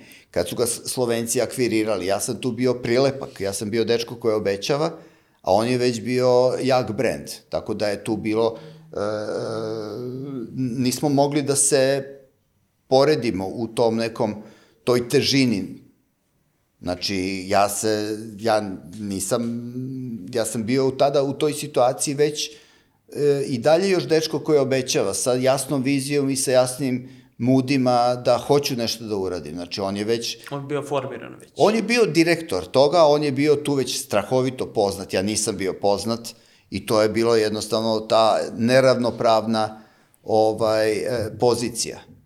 A, drugo, on je imao tu bolje odnose sa klijentima. On je imao bolje odnose sa bankama, on je imao bolje odnose sa svima, znači to je bio je, Imala težinu neku. imao je daleko veću težinu nego ja, tu nema, nema diskusije. Ali taj odnos, kako Da, i sad- to je bilo, znači to je bila ta priča i onda je ovaj, kako se zove, Veljko objasnio da će to biti dobro za mene, za njega, da dam njemu da bude broj jedan, pošto je e, jači, sujetniji e, nego ja. Ja sam imao veliki kapital, a to je taj Sači, što je njemu bilo onako wow, wow, wow, wow, wow. I onda je to nevoljno, vrlo nevoljno je prihvatio da mi budemo partneri. A je li bilo toga možda zašto su njega zvali, a ne mene ili... Pa, verovatno, ne sjećam se, davno je to bilo. Verovatno je, to je uvek logično. Kao, šta njega, ja sam Bog. Ali sam ja već... Jer to ti je isto jedna, jedna uh, savet za, za, ako neko, ne daj Bože, gleda ovaj bot, broadcast, bot, broadcast ili podcast, pa možda nešto da, da, da, da čuje nešto što je strašno bitno. Pišite. A to je, pišite, deco, znači, u životu za uspeh poslovni su ti bitne dve stvari. Šta znaš i koga znaš. Vrlo bitne stvari. Jer ako znaš mnogo, ne znaš nikoga, ko te šiša. Ako znaš mnoge, a ne znaš ništa, isto tako ko te šiša. Znači, dobra kombinacija tvog znanja i telefonskog imenika, ako si u pravom telefonskom imeniku, Ako si u pravu, ako si ili imaš pravi telefonski imenik, imaš dobre šanse. ali mora i on tebe da ima, je li tako? Molim? Mora i taj neko tebe Dobro, da ima. ali e, moraš prvo. da, da, si, da, si, da imaš taj neku, ne, neki način da uspostaviš kontakt. Sad se to daleko lakše, jer ti sada možeš svakoga. Ti možeš e, Maska, B- Billa Gatesa, ne možeš Steve Jobsa, ovo je za sada, direktno, sada. ovaj, ali ti možeš bilo koga u svetu da kontaktiraš, da uspostaviš kontakt. Ranije to je bilo apsolutno teško, nemoguće praktično. Ali vi ste imali Sači, I to je takav, na- napravljena je ta agencija i to, tako smo krenuli. Gde sam se ja povukao iz kreacije, Šta je tu bio dogovor, taj prvi? Ok, pružam ruku. ja ću voditi biznis, on će voditi kreaciju. To je linija. Da. I to je bilo ovaj, meni prihvatljivo, njemu obavezno, jer ja nisam ulazio u kreativne procese, ovaj, tako da on je bio broj jedan, ja sam bio broj dva i tako smo postavili, on je imao više akcija nego ja, tako da to, to je bio taj naš odnos koji je bio do kraja. Jeste verovali da taj odnos, ta firma, taj osnov koji tu pravite, da može da izgura naredni period? ti ne razmišljaš o tim stvarima, da, da li ćemo uspeti, ne, nego ti Nije kreneš napred. Ti kreneš napred. Pa Jer bude? ako kreneš uh, u razmišljanje, Nećeš krenuti. nikad ne znaš. Znači, e, e, ako dođeš do, do vode i razmišljaš da li je suviše plika, da li je suviše duboka, da li je brza, spora, da li ima virova, da li ima krokodila, ajkula, pitona, pirana ili nekih stvari, da li a, će doći neka podmornica tu i tako dalje, nikad se nećeš okupati. Ti u jednom trenutku možeš da kreneš i da se nadaš da ćeš uspeti dalje da radiš. Da, na obali Niko se nije okupao ko je ostao na obali. A naziv ste se dogovorili oko naziva, tu je isto bilo... Pa to je bio problem, zato što sam ja mislio da to bude ovaj Sakan Stanković ili Sakst, recimo, tako neka inovativna skraćenica. Međutim, on nije, h- ja pretpostavljam, nije hteo da, da bude moje ime tu. I onda smo imali neke glupa imena, tipa prvo je bilo, a, pošto smo mi bili kao studio marketing delo, ovo je bilo a, kao, da, to, to je prvo, prvo ime je bilo studio marketing S and S, kao to, i asocijacija na Sači i na, kao nas dvojicu, odluč, o, jedno odlučno možda. Pa smo onda bili S-Team, pa S-Team B, ma, tako da, i to je ve, bio veliki problem kad smo izgubili Sači, onda nismo imali sobstveni brend. I to je bio problem za kasnije, tako da to je jedno narovučenje. Strašno je biti, imati sobstveni brend. A znači, vi ste u tom trutku mogli da ste se dogovorili oko naziva, da ne nastupate kao Sači, već da nastupate pod svojim brendom. Da ste mogli to ili? Da. Ali niste Pa zbog zato što je. Sači da, da. doneo, brate, više, znači da su svi zvali Sači. Da, da, ne kažem, jel ste mogli vi da stavite naziv, ali da nastupate pod Sačem, nije moglo to. E, Moglo da ima puno ime. To je moglo. Moglo da ima puno ime. I sad šta nama donosi? Imamo s jedne strane tu opciju o kojoj ste razmišljali da krenete od nule, laptop, to jest ne laptop, sveska, klijent, i s druge strane sad imate Sači. Šta je to Sači sve doneo? Pa doneo kao prvo tu jednu, a, jedan a, zlatni dodir moći, sjaja, glamura, znači ti si deo tog najprestižnijeg dela, znači... Kad kažete Sači, znaju ovde ljudi. Pa ne, to je ono, wow, što kažu ovi naši da se useru od, od poštovanja. Znači, to je jedna stvar. Druga stvar, što je strašno bitna, to je know-how, jer mi smo odjednom uleteli u sasvim jedan no, drugi know-how, e, koje je dramatično obogatilo našu metodologiju rada i svega toga. I treće, što bi rekli, last but not least, a, klijenti. I mi smo stvarno imali tu sreću da je tih godina Sači imao najbolje moguće klijente koji su i imali želju za ekspanzijom u, ovo do, u ovom delu Evrope i imao je fantastične ugovore koje je to omogu, e, omogućavao nama da ih dobijemo bez pičeva na tacni. Da li Direkt. biste bili ljubazni da prihvatite Mars i Mars? Kako da ne? Uradite prezentaciju, ovo je Jugos, Jugoslavija, glavni grad Beograd, ima broj stanovnika, oni kažu kako da ne, divna prezentacija, dobili ste par miliona. A taj know-how, kako se prenosio tada u to vreme? Ste imali seminare, dokumentaciju? E, I mi smo imali ta, te, bilo dosta tih sastanaka. E, ja sam najviše naučio na tom takozvanom taj CEO's meeting, e, management meeting, meeting gde su uvek bili i biznis i kreativne i neke te stvari, a bili, su, bili smo pozivani na neke workshopove. I to je bilo... Gde ste održavali? Pa U održavalo se recimo, ja mislim da je za ovaj deo bio hub Budimpešta vrlo često, ali smo išli u London, drugo putovalo se to po svetu, ja sam kasnije, ja sam uh, pohađao i završio taj neki najprestižniji, zvao se Advanced Management Program za direktora agencija ili buduće direktore agencije i kasnije sam predavao na to, to smo išli od Kana, pa smo bili u Americi, Connecticut, pa smo bili u Francuskoj, pa je bilo i u Engleskoj, ti nekim dvorcima, to su fantastične. To su recimo te a, a, nedelju dana, taj neki radionica, workshop, gde vi dobijete praktično simulaciju jedne agencije da vodite agenciju. I dobijete različite scenarije i onda šta se dešava, kako se to radi, šta je to.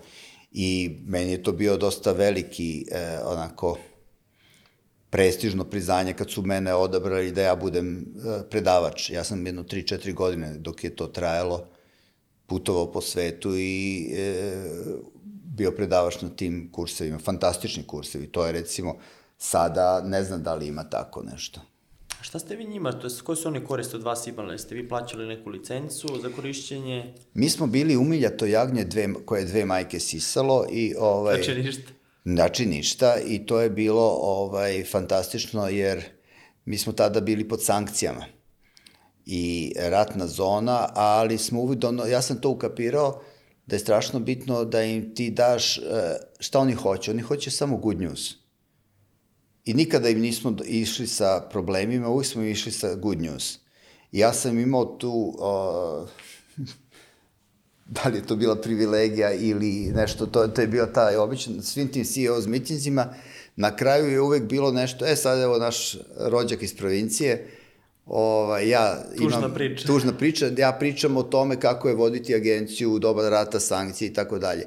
Ali smo to uvek radili tako da je to komično, da nije bilo kukanje nego da je to bilo komično i to oni kao kako se vi borite, znaš za njih su bile te, sećam se da je jedan najboljih e, poklona što smo dali, to je bilo kad je ovde kod nas bila najveća novčanica 500.000 milijardi neka ta priča i onda smo im e, poklonili, ove, rekao, pošto vi se stalno trudite da ste milioneri, mi smo milijarderi i od danas vama poklanjamo da i vi budete milijarderi i onda smo uramili te novčanice od 500.000 milijardi ovaj, i svima podelili i dan danas to ljudi čuvaju. Tako da smo mi uvek imali taj neku priču, simpatičnosti, dobar je odnos i oni su nas gledali kao kuriozitet. Mi smo praktično bili ovaplođenje nekog njihovog duha korporativno, to da ništa nije nemoguće. Jer to je bilo uh, Sačijev korporativni duh. Nothing is impossible. U što ja to stvarno verujem. Znači, imali smo taj, odgo, taj, tu filozofiju, odgovor je da, da čujemo pitanje. I tako smo sve radili. A to je bio deo Sačijeve filozofije. I strašno smo se dobro uklapali. Oni znali su da ta, sa tim nekim fiju ne bi ništa mogli da, da urade. Bar ste zanimljivi. Ali su nice guys i uvek je to bio, e, to je Sači, to je i uvek, uvek su imali, evo mi imamo tamo za vreme sankcija, za vreme rata, vidite kako radimo, tu smo bili dosta kreativni, sa tim nekim inovativnim a, pristupom i njima smo bili, znači, mi smo im bili donosioci dobrih vesti. Zabavni donosioci dobrih vesti, a ja se sećam, bio sam na jednom ovaj, kako se zove tom skupu i sad imam to prezentaciju kao kod nas se teško živi, čekaju se redovi za benzin, plata prosečna 5 maraka, tako neke te stvari i sve ono, oni kao jeste to. I na kraju smeh i sad završavam to i jedan od direktora sad će za, uh, ovaj, kako se zove, za Evropu ili svet, kaže, e, vidi, uzmi neko jeftinije odelo, nemoj baš ove Armani da nosiš dok pričaš o sirotinji. Tako da sam, ovaj, nisam išao pocepan, ali sam ovaj, to uh, uzeo ozbiljno u, u razmatranje. A kako se živelo tad, tih godina, kad ste prvi godina Sače ovde? Volili ste da trošite? Pa mi smo imali, e, za, za lokalni Beogradski Sače je bio e, Sakan zadužen i on je to fantastično vodio, on je napravio u, do, u moru zla ostrvo dobrog. I Sači je tih godina za vreme sankcija, dok su te bile sve hiperinflacije i tako dalje, bilo je jedno ostrvo gde je bio čisti eskapizam, gde su ljudi dolazili i radili nešto totalno iluzorno, totalno drugčije, nepotrebno ovde, ali što je čuvalo ljude i pravilo tu jednu korporativnu kulturu i definitivno njegov doprinos u, u, u glamuru, u, u, u, u ovome oreolu koje je Sači imao i dan danas je definitivno tu apsolutno uh, najznačajniji. Znam da je bila slika ono otvaranje, to jest useljenje u kuću Sakanovu. Da, to je, to je bio trenutak kada smo prestali da budemo, ovaj, da, da sarađujemo sa Sačijem na be, besplatnoj bazi i kad su došli ovde i kad su videli kuću, onda su rekli, ej rođaci, vi imate love, možete malo da plaćate i onda smo krenuli sa, sa plaćanjem fije. Znači nije se isplatila kuća. Pa, dobro, ali to je sasvim Bar normalno. ne za, za tu priliku mogu neku manju da nađe, da im predstavi. Nema veze, ali to je jednostavno deo tog, to su te neke simpatične pričice koje izgledaju sad ovako toliko daleke, toliko nerealne, ali je ovaj, to bio, to je deo bio naše korporativne kulture i zbog toga, zbog svih tih ljudi koji su prošli kroz Sačije, zbog, kažem opet naročito, Sakanovog doprinosa i rada sa tim ljudima, zbog te, toga što je stvarno u to doba Sači bio jedna od redkih svetlih tačaka u Beogradu, u Srbiji, u Jugoslaviji. A, mi smo imali fantastične ljude, imali smo sjajnu tu klimu. Jeste da je to koštalo, ali vredelo je. Bez toga ne možeš da imaš onda postaješ e, neka proizvodnja koja nema dušu, a mi smo baš tada imali veliku dušu. A kad gledamo seriju Mad Men, je to ličilo na Sači? Na šta misliš, na koji znači, deo? Pa na taj glamur, ceo taj glamur, cela ta priča. Pa jeste, ja se sećam da smo te jedne godine, 94. 5. godine, sa tom hiperinflacijom za novogodišnju žurku, e, gde su plate bile 5-10 ili tako nešto, 20 maraka, mi smo 100.000 maraka pukli na nagrade, na a, organizaciju tog događaja, na šta ja znam, na- da su nama te godišnje nagrade bile recimo e, za najbolje radnika je bilo, šta ja znam, 10.000 maraka nagrada, onda druga nagrada recimo bila put u Brazil ili tako nešto. Mi smo stvarno vodili računa ovaj, o tome da a, a, ljudima maksimalno pomognemo u tom periodu i, i na to sam ja kao deo tog tima izuzetno ponosan. Je li taj imidž mogao da privuči i privlačio najbolje talente i najbolje A šta ti kadar? misliš? Nije se davalo džaba 100.000 maraka, da. Pa nije to, znači, e, ideja je bila više nego, nego a, lova. Zato što su ideje te koje su bitnije, koje menjaju svet. Ideja nešto, da e, ti e, lideri vode ljude preko inspiracije, menadžeri upravljaju ljudima preko love, preko stimulansa i tako dalje. Lider inspiriše ljude. Mi smo imali tu ideju ostrva, koja je bila spas za te ljude koji su hteli da žive. Imali su mesto gde će moći da sanjaju zajedno sa nama te neke snove da je nešto moguće uraditi. I to je rađeno na stvarno briljantan način. Jer vi sad, ja kad pogledam, znači čitava, uh, dobro, ne sada, već neki su otišli u penziju, neki više nisu živi, ali pred 15-20 godina čitava reklamna scena bivše Jugoslavije je prošla na ovaj ili na onaj način kroz Sači. U svim zemljama bivše Jugoslavije. Jer mi smo bili te lučonoše, mi smo nosili to svetlo, prosvetiteljstvo nečeg novoga. I to je e, definitivno tačno. Iz toga su se ljudi rađali, novi, rađale su se nove agencije, stvarale su se neke nove vrednosti i to je deo tog nasledstva, te tradicije, te priče, tog oreola što je ta agencija Sači Sači naša sa nejasnim imenom, Estim Sači Bates, ovaj, e, uradila na ovim prostorima. Sakanu smo ostavili kreativu, šta vi radite? Biznis deo, šta je to podrazumevalo?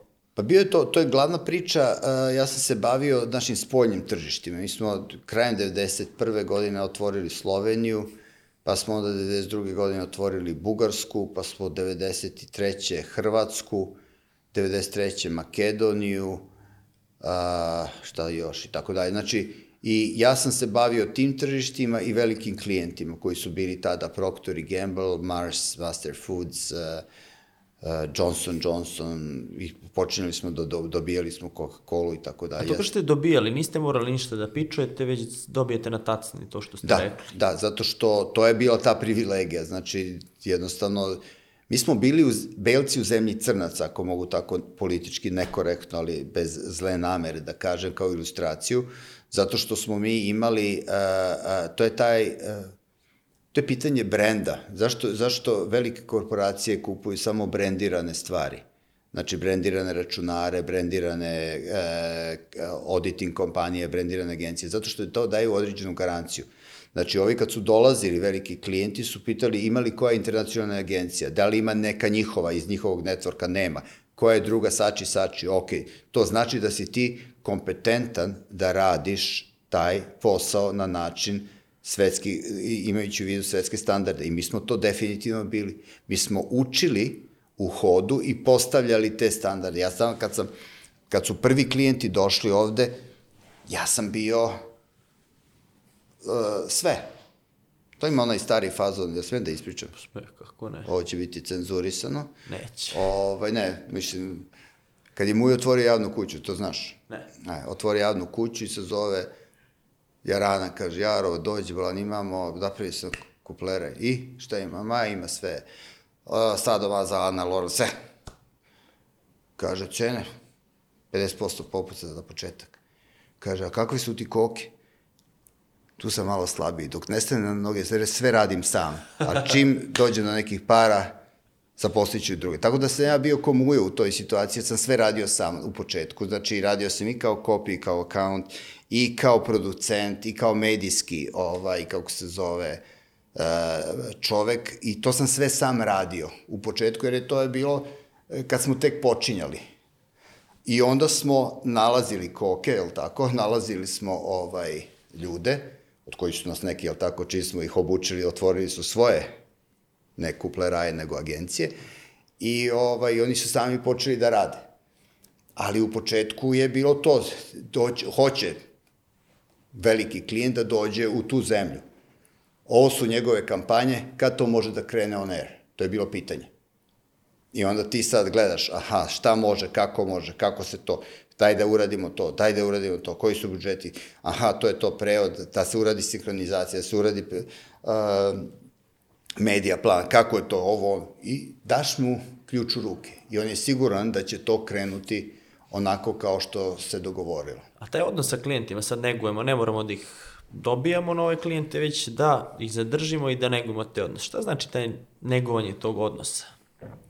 Jel ste ih vi vodili u kafane, gde treba? A, pa pazi, klijent mora da bude zadovoljan. Prva stvar jeste da je posao urađen. Jer bez obzira kako imaš dobar lični odnos, ako posao je loš, to je pri... Druga stvar jeste da mu se ti nađeš na usluzi, sve što mu tu treba u tu zemlju, da ga situeš. E sada, tu su bili e, stvaranje ličnih odnosa, prijateljskih odnosa, ja sa tim nekim ljudima koji su mi bili klijenti pre 30 godina i dan danas imam neke kontakte. Jer smo prošli zajednički kroz tu jednu borbu. Tako da, da smo mi uspostavljali te odnose, jer to je, to je opet jedna vrlo specifična situacija. Ja sam nešto razmišljao, e, čitav svoj profesionalni sam život radio u, u ne, ne, e, neregularnim uslovima. Ja se bojim kako bi ja radio kad su regularni uslovi. Jer nisam navikao na regularnost, nisam navikao da je sve tako kako se dogovorimo, nisam navikao da, da su neke normalne, no, normalne okolnosti. Ali sam navikao da te okolnosti moram da rešim.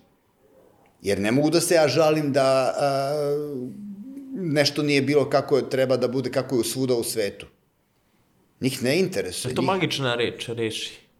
Pa to je ta, što sam ja naučio, to, ovaj, to je, to sam pričao da, ovaj, velika, ogromna škola je za mene bio rad sa Procter Gamblom, zato što je Procter Gamble stvarno izuzetan klijent, e, redko fair, etičan u odnosu sa agencijama, ali opet e, razbija kako ovaj e, je inovativan po pitanju marketinga, po pitanju razume, zna tačno šta će agencija da radi i sa njima je s jedne strane lakše raditi jer dobiješ vrlo precizno uputstvo. I sada glavni klijent, glavni worldwide account direktor za, za, za Procter Gamble bio je jedan Nemac, uh, jer je uh, isto taj neki worldwide bio isto Nemac, direktor, marketing direktor u, u, u Proctoru je bio i oni su bili prijatelji i ovo je sticam okolnosti bio najveći kupac uh,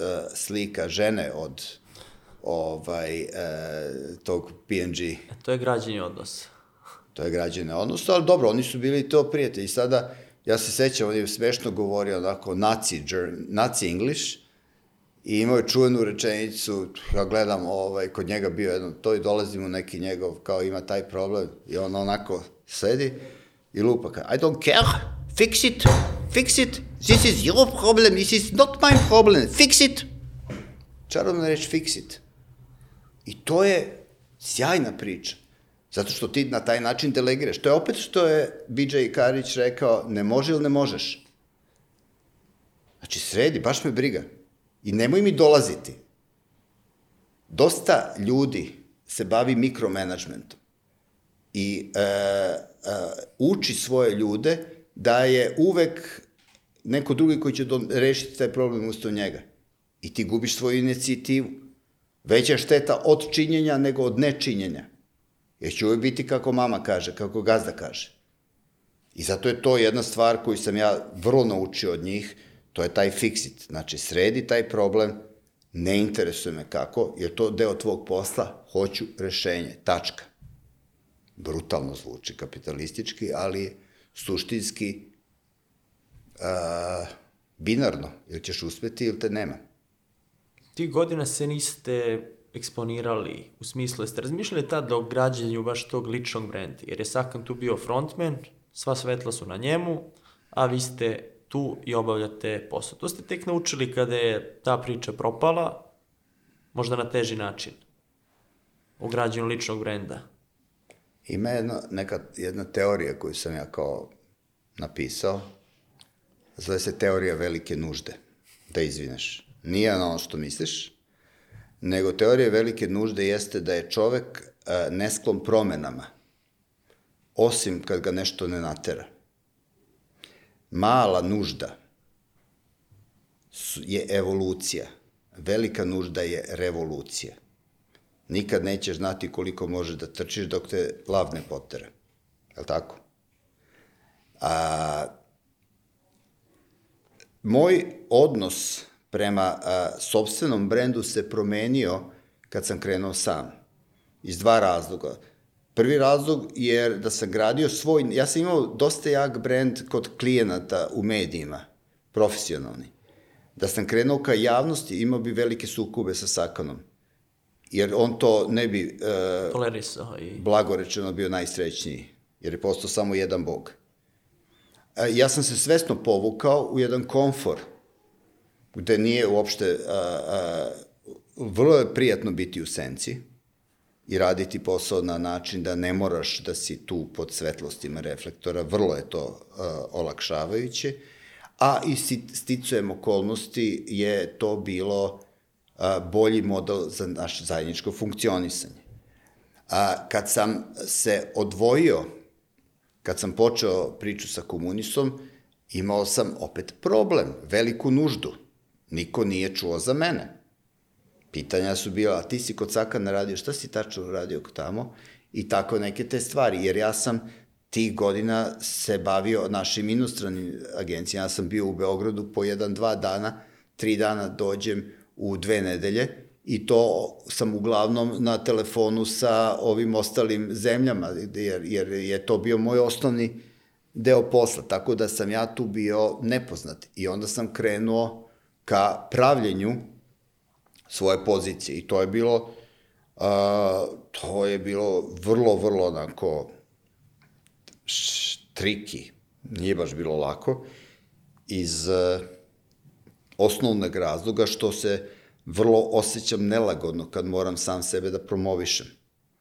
Tako sam vaspitan, nije pristojno se sam hvaliti, ne daj Bože, lepo je čuti, ali ja imam i dan danas kad me neko hvali odmah malo nelagodo, čekaj, me ti zezaš? Crvenilo. Crvenilo, krenem da se štipam i lepo je čuti, ali nije, ne osjeća se baš najkomfornije, moram da priznam. I ovaj, onda sam rekao, ajde šta, je, šta kaže struka? Kako želim da se pozicioniram? Hoću da sam stručnjak za komunikaciju, za marketing, super. Ajde onda kreni da pišeš članke, da se pojavljuješ kada se piše o tome. I krenem ja da pišem, objavljujem tamo, ovde, privredni pregled, pa i To je bilo kad već posle... Uh, kad smo se Sakan i ja aha. razveli. Ovaj, I to rezultat fantastičan. Majka sve članke skuplja i niko drugi ne čita. I onda shvatim da to nije put. Tako da to je bilo ovaj, vrlo, vrlo bolno iskustvo. Da ste znali to ranije, kako biste iskoristili sad to? Ok, imamo taj deo sa klijentima, van zemlje ste, ali biste mogli tu nekako drugačije, a opet imate taj kompromis sa Sakanom? Vidi, ja, a, teško je biti malo trudan. Vrlo, vrlo teško da si trud, malo, samo malo trudan. Tako da to je a, teško napraviti, a pogotovo ja nisam, a, nisam neki pristalica, eh, kako bi ja, eh, šta sam ja to, deš. To je završena priča. Šta ja mogu da naučim na tome? Samo je to pitanje. Jer nad prosutim mlekom ne vredi plakati. Ne može da, da vratiš to, ali može da kreneš neki novi početak sa znanjem kako si prosao to mleko. I da ti se to ponovo uh, ne, ure, ne desi. Tako da to je jedino što čovjek može da uh, uh, u životu gleda na takav način. Ima sad tu jedna teorija interesantna. Velike nužde ili... Ne, to je nova, no. ima teorija koliko hoćeš, nisam ja džabe profesor bio. Ovaj, teorija ima jedna koja kaže, kada su, mnogo gledaš ka prošlosti, sa svim tim preispitivanjem prošlosti, ali se nekad dobro, u šta bi ja uradio, e da je to, tako dalje, ti, teži, ti kliziš ka depresiji. Jer shvataš šta si propustio, šta je izgubio, šta je prošlo, kako je nekad bilo očajno, užasno. A opet ako samo gledaš napred u budućnost, te kliziš ka anksioznosti, ka jednom strahu, čekaj šta je, jer svako od nas ima strah od budućnosti, manje ili više izražen. I onda je to vrlo problematično i rešenje jeste da budeš u sadašnjosti, što je vrlo teško. Da imaš u svojoj ličnosti deo prošlosti, da si svestan dela budućnosti, ali da život fokusiraš na sadašnjost. E, to je životna mudrost. Ja ne znam kako se to radi. teže, teže primijeniti nego... To svako treba, svako treba da, da, da nađe taj način, da si svestan toga. Da si svestan toga i da gledaš kako da sada sebe tu nađeš u okviru tih nekih koordinata, gde si ti konforan i gde si ti srećan. Ne, jer nema pravila, nema recepta gotovog. Nego to zavisi od okolnosti, a prvenstveno od tebe. A jeste od onih koji mogu da uče na tuđim greškama ili samo na svojim greškama? Pa, ja se trudim, ja stalno učim. Evo, kad smo došli pre ove emisije, sam tebe molio da me naučiš uh, o, o, o, o, TikToku. o TikToku. I sa zadovoljstvom učim. Nije mi uopšte sramota da priznam da nešto ne znam. I dan danas me raduje to učenje. Bez obzira na to šta znam, koliko imam godina, bilo šta drugo, e, učim. Ja, to sam ti rekao, znači ja sam o, o bitcoinima, o dropshippingu, o raznoradnim tim stvarima naučio preko TikToka i pretplatio se na sve te stvari. A TikTok je dobar za učenje na taj e, sintetizovani način. Instant i... Instant način i to je ta informacija koju sadašnji mozgovi mogu da prime do 2-3 minuta, maksimum, već na 3 minuta počinje ratimir, zevanje i neko gubljenje pažnje. Ali A s druge strane, za ove koje prave, veliki zadatak da to od 20 minuta, pola sata spakujemo u 2 minuta. Jer kao knjiga, ajmo da se popuni 200 strana, a može realno da se spakuje u 10, evo, ako su neke ključne Evo da ideje. ti dam diplomski zadatak, upakuj ovaj naš razgovor u dobre priče, pa dobit ćeš onda, dobit ćeš ovaj diplomu. Šta je definicija sad dobre priče? Gledanost je možda jedna od definicija, a, e, komunikativnost je definitivna, a bez komunikativnosti nemaš gledanosti, ili da se sad skinem i da se pobijemo, da to bude ovaj, To ide, to ide, na sati 45 smo isplanirali. A jeli, znači da skidamo, krenemo tuču ili Kreće, da kreće. te po, pro, prosto Da, da, ne, ne. kao I- šešelj, onako imamo- vodom da te da, polim. Ne, imamo i banane ovde. Tako, tako da, ali kad pričamo sad o gledanosti... Ja treba da skratimo ili Ne, ne, ne, kažem i to jeste... do, dok je, imaš zakup termina? Imaš 15 minuta. Da. E, Šta je fora? Kad pričam sad o ovim dugačkim formatima, to su formati preko dva sata, tu se već i malo isfilteriše ta publika. Neko ko gleda, to je instant, rekli smo minut, i neko ko gleda dva sata i to upija. Vidi se opet neka ozbiljnost i Jel ta ima pažnja. neko ko gleda dva sata? Kako ne? Ima. Dva sata, tri i po sata i to u To kontinuitetu... kazni ili... Na, 70. U Zabeli se to sluša. Jer, Ne, ne, nije onaj zatvorski radio, to sam Nije skoro to. otkrio da ima ovaj zatvorski radio. to onda, ona ima veliku slušanost. Da, to je, ne, onda se naručuju pesme i... Poruke. Da, poruke, pesme uživo i to ide stvarno... Dobro, to je šifriranje. To je već- Šifriranje, da. kripto Ozbiljna- rad. Ozbiljna priča, ali sad rekli ste gledanost, koja je to gledanost? Evo, brojku, recite. Ne znam, znači ne mogu ja da to, i, i to je opet uh, od, odbijanje moje da uđem u tu neku samopromociju. Znači ja sam strašno ponosan što ovaj mo- moj uh, uh, uh, TV format ima preko 10 miliona gledalaca. I to mi znači onako, pošto mi je to nova igračka, ušao sam u nešto novo da nisam bio kompetentan. Gledalaca ili pregleda? Uh, preglade. Ja Dobro, dobro, ne, dobro. 20 Rekao, miliona gde smo mi tu? 20 miliona gledalaca, ali neću da te sad Sa, deprimiram. samo u Srbiji. Samo u Srbiji, da. Ovaj, a, to je lepa cifra, ali opet je to uh, za mene nešto novo i sa, sa određenim strahopoštovanjem zbog nedostatka e, znanja, informacija, ulazim u čitavu tu priču, tako da se ne bi tu kurčio sa licitacijama nekih brojeva, ono, ako Bog da, daje se neki dobri rezultat. Kad smo već kod te teme, otkud Kod sad... bogova ili kod... Kod bogova, kod bogova, kod bogova i religije, a, otkud sad u toj priči? Preskočili smo onaj deo, vratit ćemo se, Brazila sa Sakanom, novi početak, ali sad pričamo o televiziji. Vi ste danas, kako se kaže, voditelj, je li tako? Kad se predstavljate u tom uglu, to što radite, imate svoju emisiju, autorsku emisiju, koja se zove, malo pre ste mi ispravili tri puta, pa kaže, šta sam tebi i ko sam O, sebi? napredujemo svakog dana i ti učiš ipak. Da. Učim. Iako si tako mlad. uči se, uči se. Otkud vi u tome? Pričali smo, promocija vas nikad nije zanimala, lična promocija, sramota je hvaliti se i onda reflektori na vama. I to veliki reflektori na TV-u. Ah, kako je teško biti popularan. Ne volim da pričam o sebi, o svom projektu novom. Tako idu pevaljke ove, jel tako, kreću, na, na, ne znam, ali u, u Ober, Oberstrum, ne, na Bauštele, tamo gde u Oberkirchenu imam večer, u subotu Klagenfurt. gosto, u Klagenfurtenu imam ovaj, neko gostovanje. Pa sticaj, opet sticaj okolnosti. Znači, gde imaš dve stvari, imaš a, nešto što si ti radio i neko te u tom trenutku telefonski imenik pogledao. Znači, to je ta dva kombinacije dokaz. Dokaz moje teorije, teorija telef telefonskog imenika. Ne dovod Bože da si u veljinom ovaj, e, telefonskom imeniku, dobro to. Profo velje. Da. Ovaj, e sada, znači, ja sam dosta aktivan, ima nešto što se zove Weekend Media Festival u Rovinju, već 15 godina, ja svake godine sam tu nekom ili organizacijalnom odboru nešto pričam, imam prezentacije i tako dalje, osmišljavam neke nove formate. To me interesuje jer je interesantna priča tamo.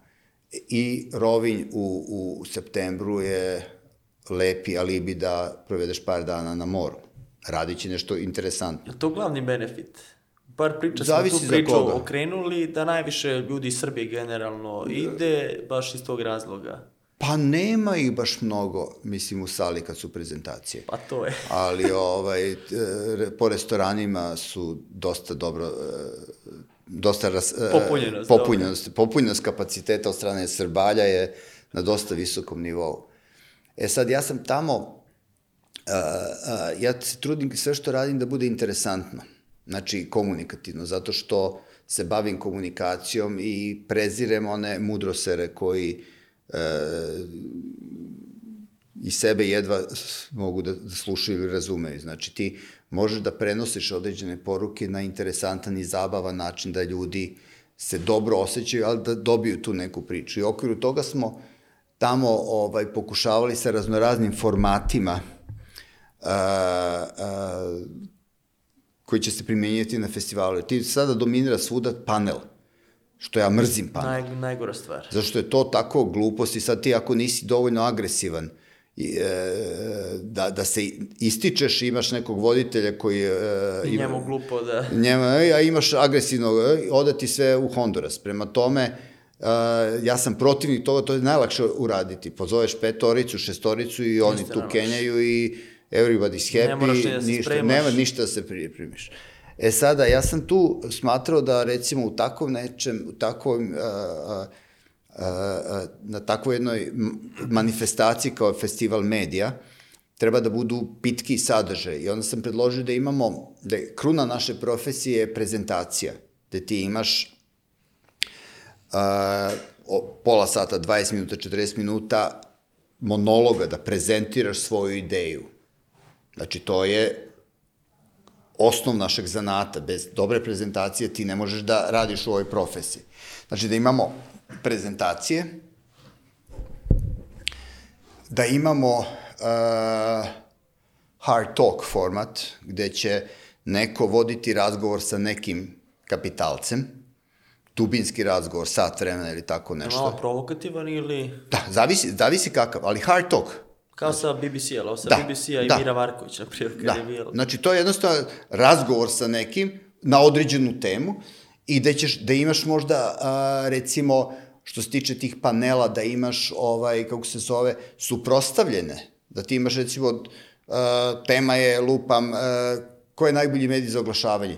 Imaš predstavnika televizije, imaš predstavnika digitala, imaš predstavnika recimo štampe, koji imaju po 10-15 minuta da prezentiraju, da prodaju svoj medij i onda imaš, šta ja znam, 15-20 minuta diskusiju i na kraju imaš glasanje.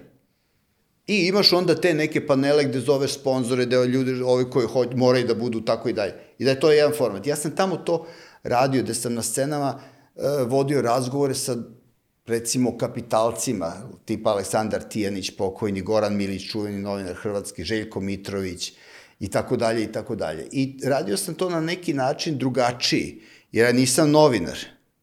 I drugo, znaju me i, i, i, imamo taj neki odnos i to su bili ocenjeni dosta dobro. I sad kad su pravili K1 Željko Joksimović, koji je vlasnik e, zajedno sa Manjom Grčić, e, su tražili e, nekog, neko TV lice za taj neki udarni talk show. I Drago Jovanović, koji je novinar tamo i koji me gleda u Rovinju, kaže, pa što ne zovete Ivana? I Željko mene zove, mi smo prijatelji, kaže, imam za tebe da te napravim poznatije nego tvoja žena. I ovaj, kažem, šta, me, šta to pričaš? I on kaže, objasni mi to da hoće da, da ja budem kao uh, taj host, da, da, da vodim to. Kažem, si ti normalan, bre, čoveče, u životu. Tad sam imao 65 godina, rekao. Da, nisam do sad.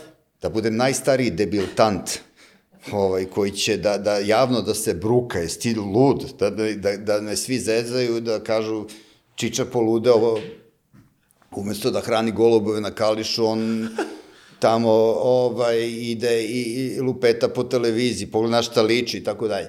Međutim, kao dogovorimo se da se vidimo. I ja sam sa ženom otišao kod njih na večeru, sa tim stavom, znači, neću da se brukam i ne znam, nije to zanat. Međutim, kao ajde, ono, kreću uh, ubeđivanju, a ja opet sklon po srnuću i ovaj, napravimo kao kompromis, ajde da se uradi jedna emisija, pa da vidimo kao pilot ako to funkcioniše, ako svi budemo zadovoljni, može, ako ne, nikom ništa. Ja kažem, dobro, i šta će, o čemu ja pričam? Kažu, ne, smisli ti šta hoćeš kao šta hoću, šta mislim, o čemu ja, ja, ja da pričam, sad ne znam, koga da zovem, ma ti smisli ko ti odgovara.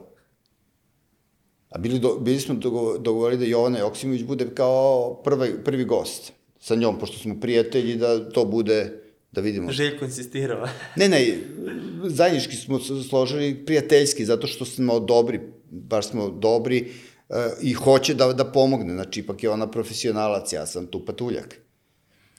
I ovaj, ja kažem, pa dobro, o čemu da pričam? Pa ajde ništa, evo ti, ajde imaš 7 dana pa smisli. I daju mi Dušana Bulića, koji je scenarista, koji je postavljao so Ivana Ivanovića i sjajan lik. I mi se tada upoznamo i kao krenemo u neku priču, on čovek znate, ali ja ne znam o čemu ćemo. Nakon drugo, treće sastanka kaže, vidi, ti si radio čitavog života sa brendovima, zašto ne bi razgovarali s ljudima kao brendom?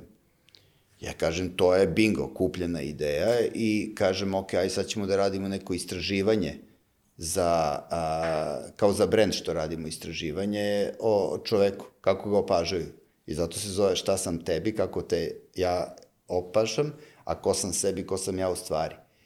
I tako je to krenulo. I onda, ovaj, ta prva emisija što je proba, u stvari je bila snimanje pravo snimanje, jer je došla Jovana Sređena namunjena studiju pun 150 ljudi unutra i ja sam tako ovaj, izgubio nevinost i postao TV voditelj. I onda sam to mislio da će to trajati jednu sezonu kao nešto to, međutim sada je već šesta sezona, preko 70 i nešto gostiju imam do sada urađeno i zabavljam se, moram da priznam.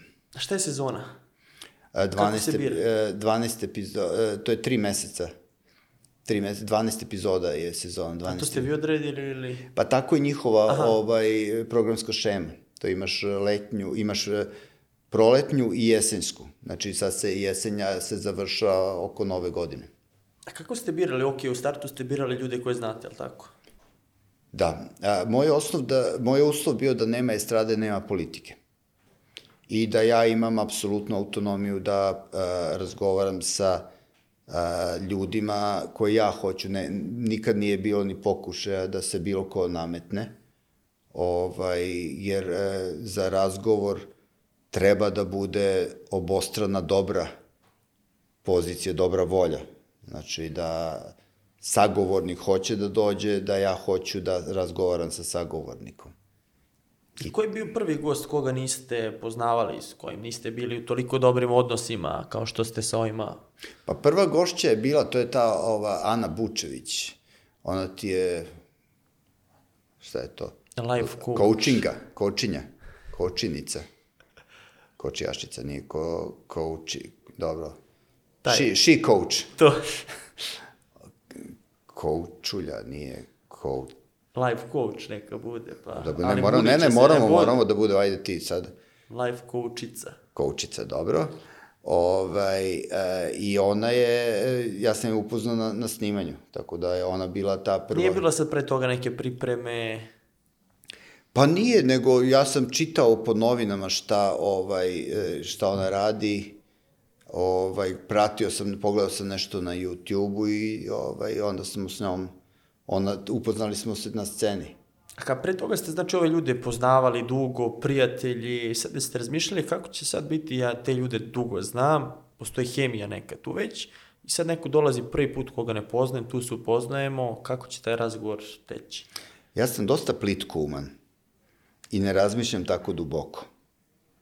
Znači, ja razmišljam a, a, uvek pozitivno. Biće pregleda, Ne, ne, ne, nego ja a, hoću da je razgovor dobar. Znači, to, to je priča, da je, e, da je interesantan. Znači, to je meni, meni ta priča. Znači, ja moram, ja moram da ovaj, e, e, napravim razgovor koji će biti interesantan za gledanje i kvalitetan. Drugo, neću da, da radim banalne teme, neću da radim žutilo, neću da radim, neću da gosta dovedem u neprijatnu situaciju, da ga hvatam u laži, da isterujem neke stvari. Ja sam pozitivan prema njima. Znači, moj posao nije, ja nisam senzacionalistički novinar, nisam a, onaj investigator neki koji će ih priznaj, priznaj, priznaj. Moj tip ličnosti nije, opet, ja sam suobrazio koncept emisije i voditeljstva svoje ličnosti. I zato se osjećam komfortno u toj. Da sam neki drugi, bilo bi ja govorim, govorim, pa da vi budete na prvom mestu, da ste vi najpametniji, to me vređaš ili ovaj, pitaš? pa ne, format emisije. E, ja ne postojim tu. E pa to je. Ne postojim. E, gost je na prvo mesto. Mene su neki moji prijatelji ovaj, kritikovali što ja tako malo pričam i što se, što se maskiram stalno u isto, o, isti, isti kostim. Znači imamo delo kao Blues Brothersi. kao Blues Brothersi. I uvek je ista ta priča, zato što jednostavno a, gost je tu u centru pažnje. Apsolutno, po svemu. Ja sam tu samo a, a, a, taj, se to kaže, moderator ili moderator, ne znam A kako. može bude i host. Da. Od na srpskom host, da, Da, da, tako. kada je gost. A derator je ovaj na... Dobro. Znači, ovaj, taj koji ima zadatak da, a, a, na, na, da na pozitivan način isprovocira gosta da bude dobar, interesantan. I to je mo, moja funkcija. I dolazi Ana Bučević, ne znate, kreće razgovor. Pa ona je vrlo a, sposobna, specifična žena. Znači, ona ima ogromnu količinu fanova.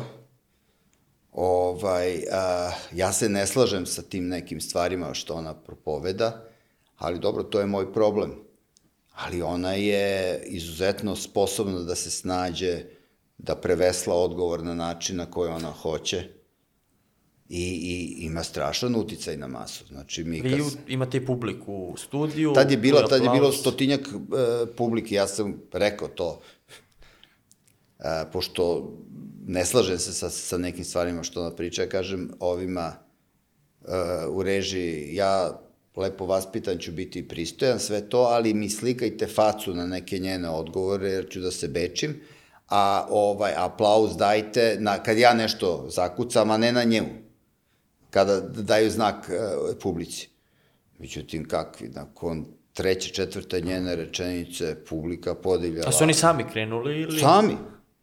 Sami, sami kreću, bre, ne možemo tri, četiri rečenice, o, o, o, aplauzi, ja, o, aplauzi, ja kažem, čekajte ljudi, meni malo aplaudirajte, nemojte njoj, bre.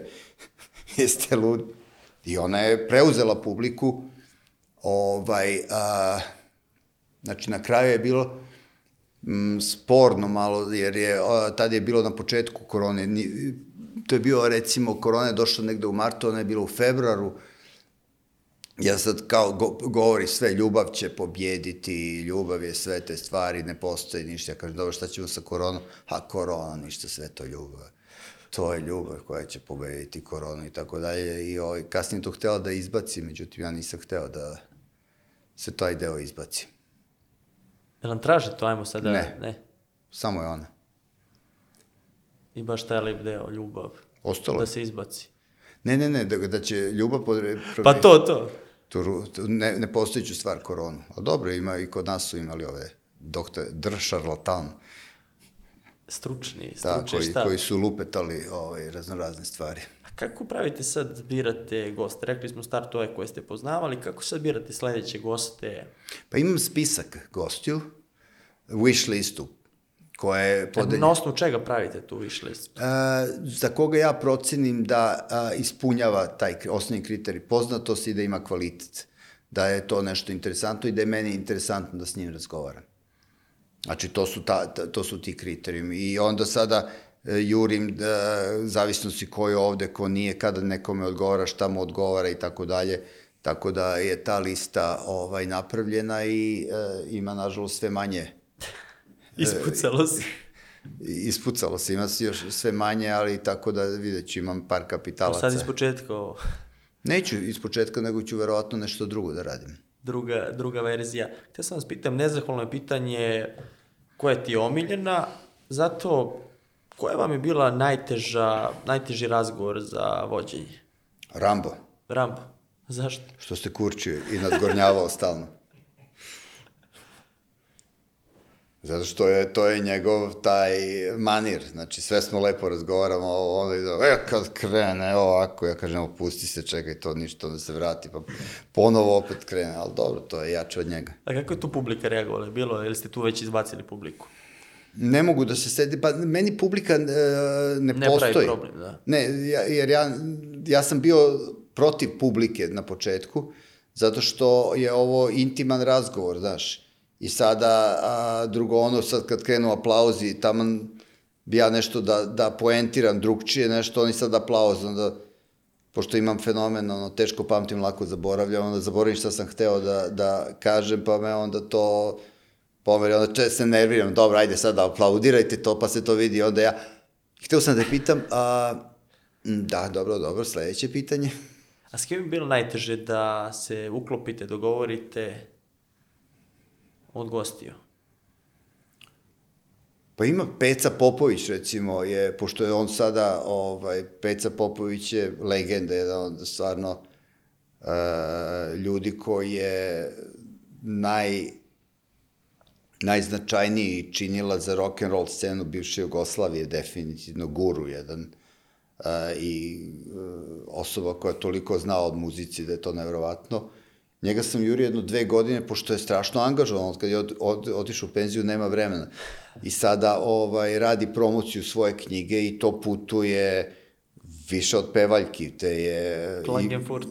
Pa i Klagenfurten i Ci, Cirihen i, i, i raznorazne te stvari, uh, zemlje bivše Jugoslavije i to je stvarno su neverovatne ti njegovi ovaj e, ta mesta gde je sve bio i on je rasprodat.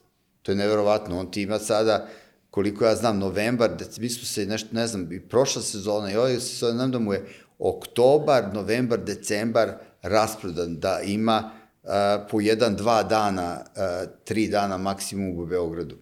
Non stop. I to je neverovatno koliko je ovaj, A kad snimate na količinu ili šta to znači? epizode? Znači, sednete sad danas snimite tri epizode. Ne, ranije, ranije je bilo to da sam imao 7 dana za 13 do 15, 15 emisija sam snimio za 7 dana. Znači imao sam po 2, 3, epi, to mi je bila prva ili druga sezona. I to je bilo ono, kad sam baš bio početnik, po tri emisije dnevno sam radio, što je, e, izdržavao sam, ali mi je, e, nije mi bilo naporno, jer mi igračka, to je, e, znaš, kad, kad radiš nešto što te pali, pa možda je malo naporno, ali ti je okej. Okay. A sad smo se dogovorili tako da studio stoji, onda imam dva dana, e, utorak i četvrtak snimanja, tako da ovaj, uh, onda tu jurim da im kad je ko ovde, ko nije i tako dalje, onda tako uklapamo. Sad se vratimo na medijske priče, na onu priču kad Sakan ide u Sloveniju i tu kreće vaš odnos da hladi. Je li to bio razlog da... Pa, tu su dva, mislim da su dva, što bi rekli, čimbenika ovaj, bitna za te stvari. Prva stvar je da smo mi ispunili neke svoje ciljeve. To je da budemo najveći, najkreativniji, najprofitabilniji, kad smo i postali smo agencija godine u, u Evropi, u Novoj Evropi, to je na tom portološkom festivalu a, gde je to dobili sve nagrade, ušli u veliku lovu, napravili sistem, 250 ljudi i tako dalje. I e, to je jedan veliki problem, kad smo taj san ispunili, mi nismo znali, e, ja sam mislio to je sjajna ta priča, tek sad, će sada krene, međutim to je stvari početak kraja, jer nismo imali neki novi cilj. Jer e, to je isto tako jedna, jedna od mudrosti, to možete da izvučete, da je cilj samo a, a, način da se doživi put.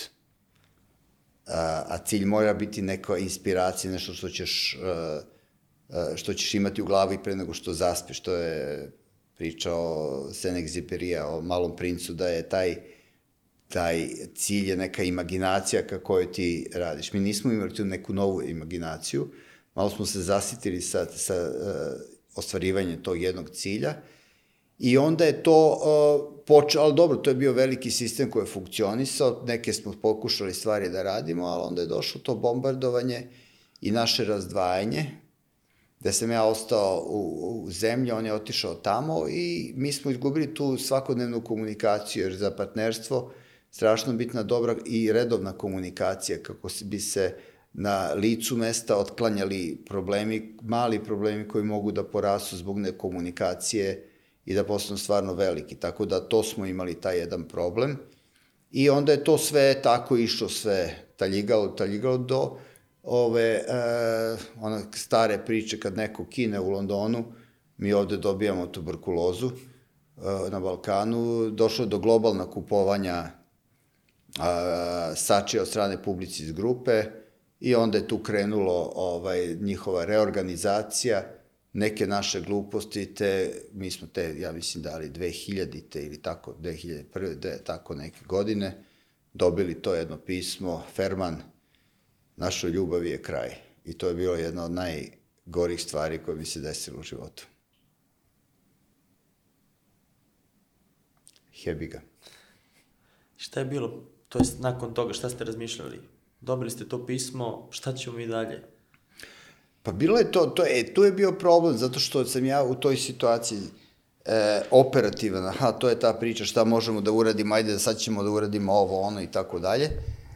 A e, Sakan je bio više onako, kako se to kaže, e, lamentirajući, nesrećan na zlom sudbinom, neoperativni. Ja sam bio tu vrlo operativni i tu je počeo još dodatne stvari neke da se da se krnji između nas i onda mi smo uspeli, to je valjda godinu dana ili tako nešto smo još zadržali te neke stvari i onda se nakon toga uh, desilo to da je istekao taj ugovor i onda je došlo do pucanja našeg. Vi ste tada kad ste gledali financije, to je delovalo sve sjajno, bajno, dok niste krenuli da čačkate. Je li tako? Kao i uvek. I šta ste tu iščačkali ispod tepiha? Šta je tu izronilo? Buba švabe sa pacovima, koji su se međusobno oplodili i dobili smo paco bube švabe.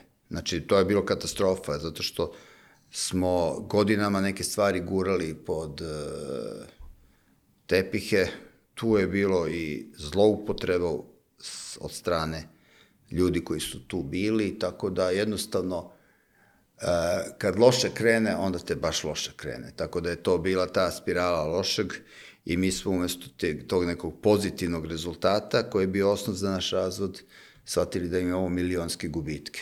I to je bio doba očaja. Šta ćemo da delimo sad, gubitke ili... Pa ja sam insistirao da gubitke delimo.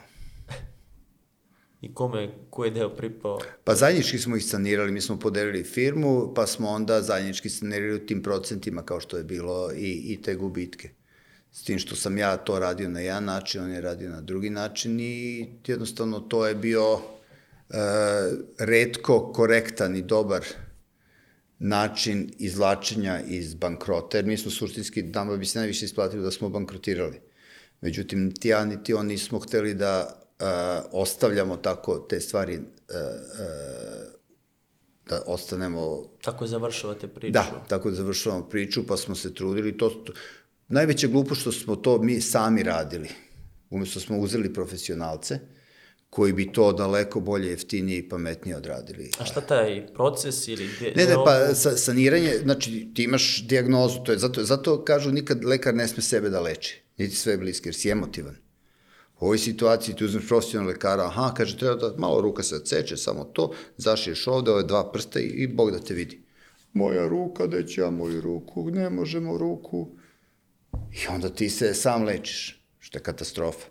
Znači, e, u normalnoj situaciji ti onda ideš na poravnanje, dogovor sa, sa dužnicima i kažeš, e, tražiš određeni otpis. Znači, ti ja sad znam sticam okolnosti da su neki tajkuni ovde otkupljivali svoje dugove sa 95% diskaunta. 90%, preko 95%. Svoje dugove? Da. Banka dužuje preko na drugi način, na ovaj način ja ti dođem, treba da ti dođem 100, ja nemam para, ali ti dam 5 i tako dalje. Znači, To, su, to se zove, uh, to sam naučio gledajući sa šta se radi, to se zove NPL, non-performing loans. Znači, to su uh, uh, zajmovi koje banke drže u svom portfoliju, koje uh, su već problematične. Banka nakon x godina mora da ih otpiše. I onda je to... Daj šta daš. Daj šta daš. Problem je što mi nismo imali sa bankama, nego smo imali sa medijima odnos njima smo bili ostali dužni i to je onda trebalo, ali opet je trebalo na drugi način. Mi smo dobili najveći popust što smo kao odradili 5 ili 10%. I bili smo srećni. Pošteno.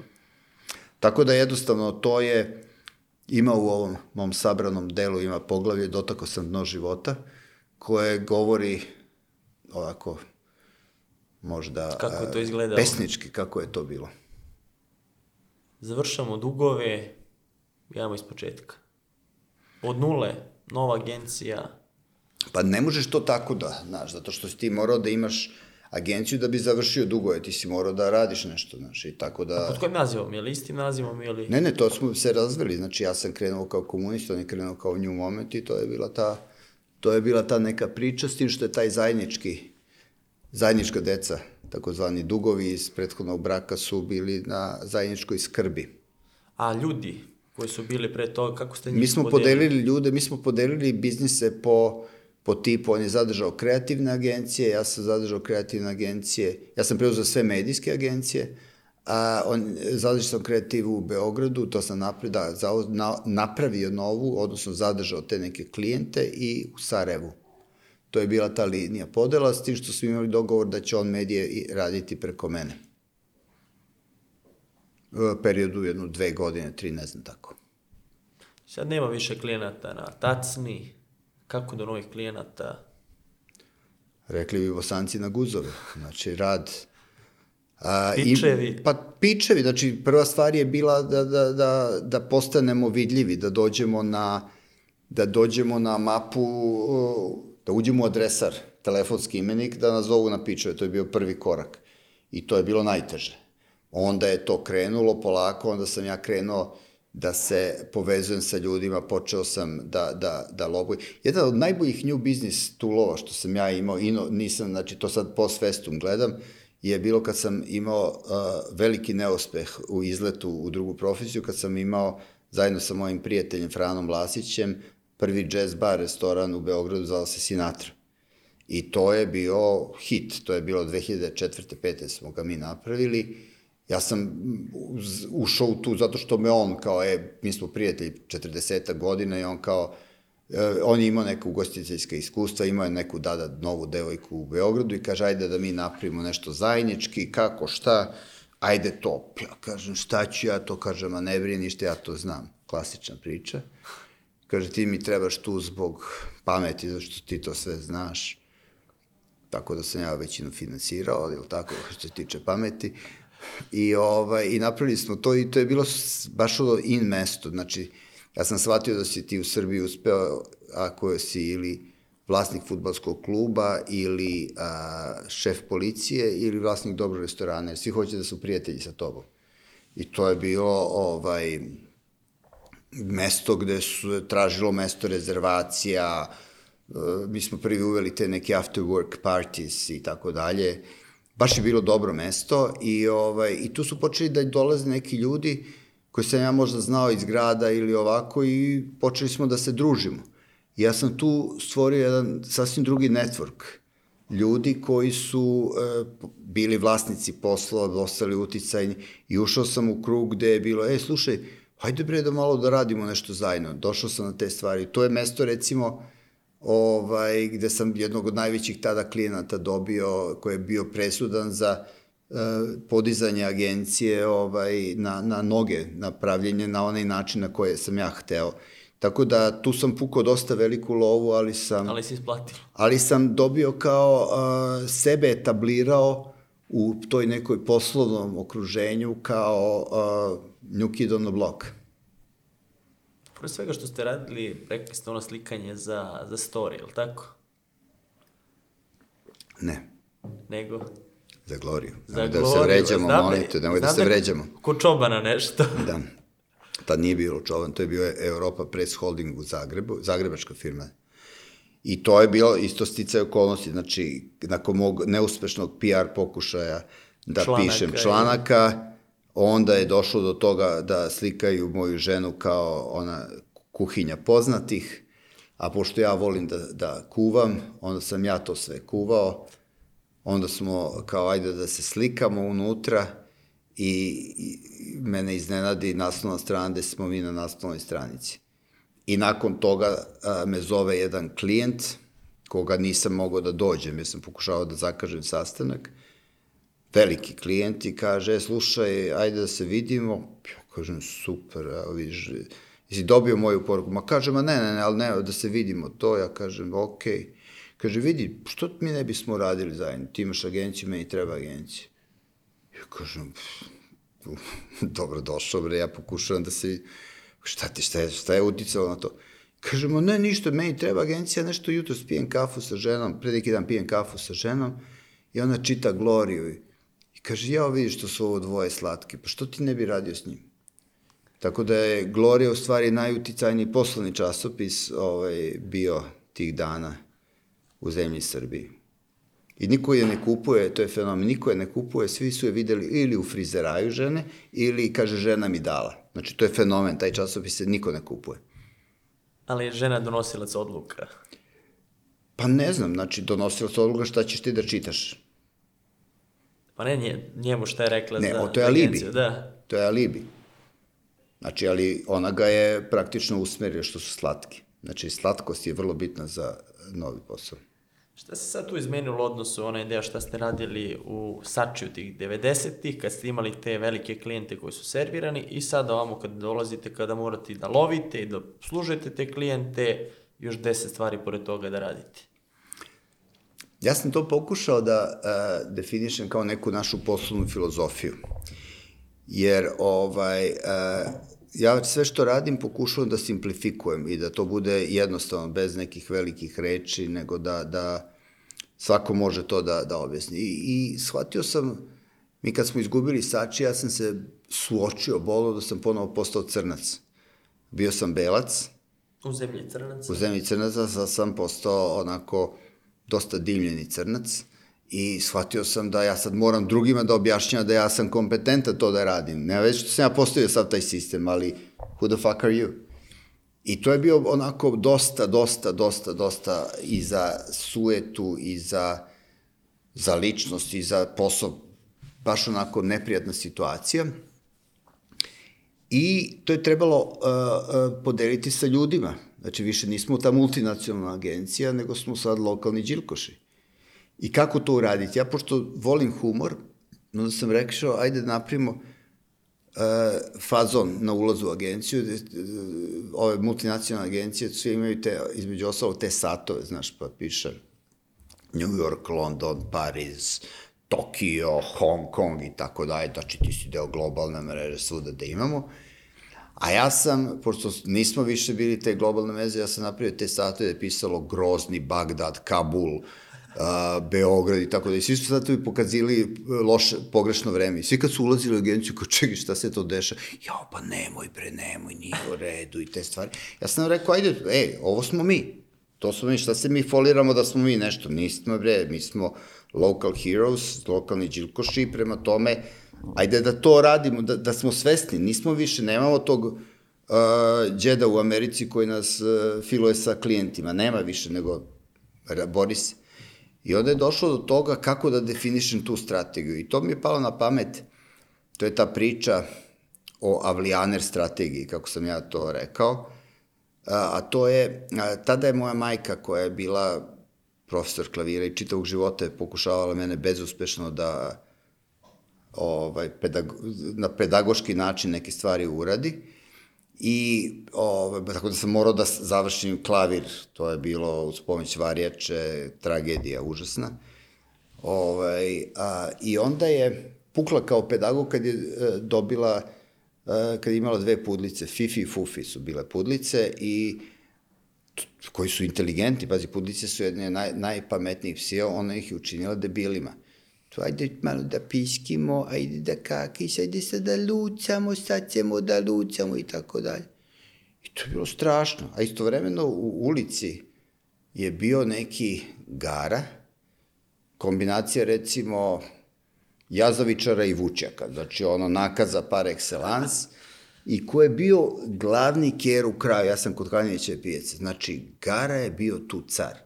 Mi smo imali jednog divnog vučaka, alfa mail, fantastičan bio je ovaj, taj, koji je bio car tamo i Gara mu se šlihto, najbolji drugari, kako ude u par Gara sa njim, ide oko tamo, sve prezire ostale kučiće. Pun kraj Garića.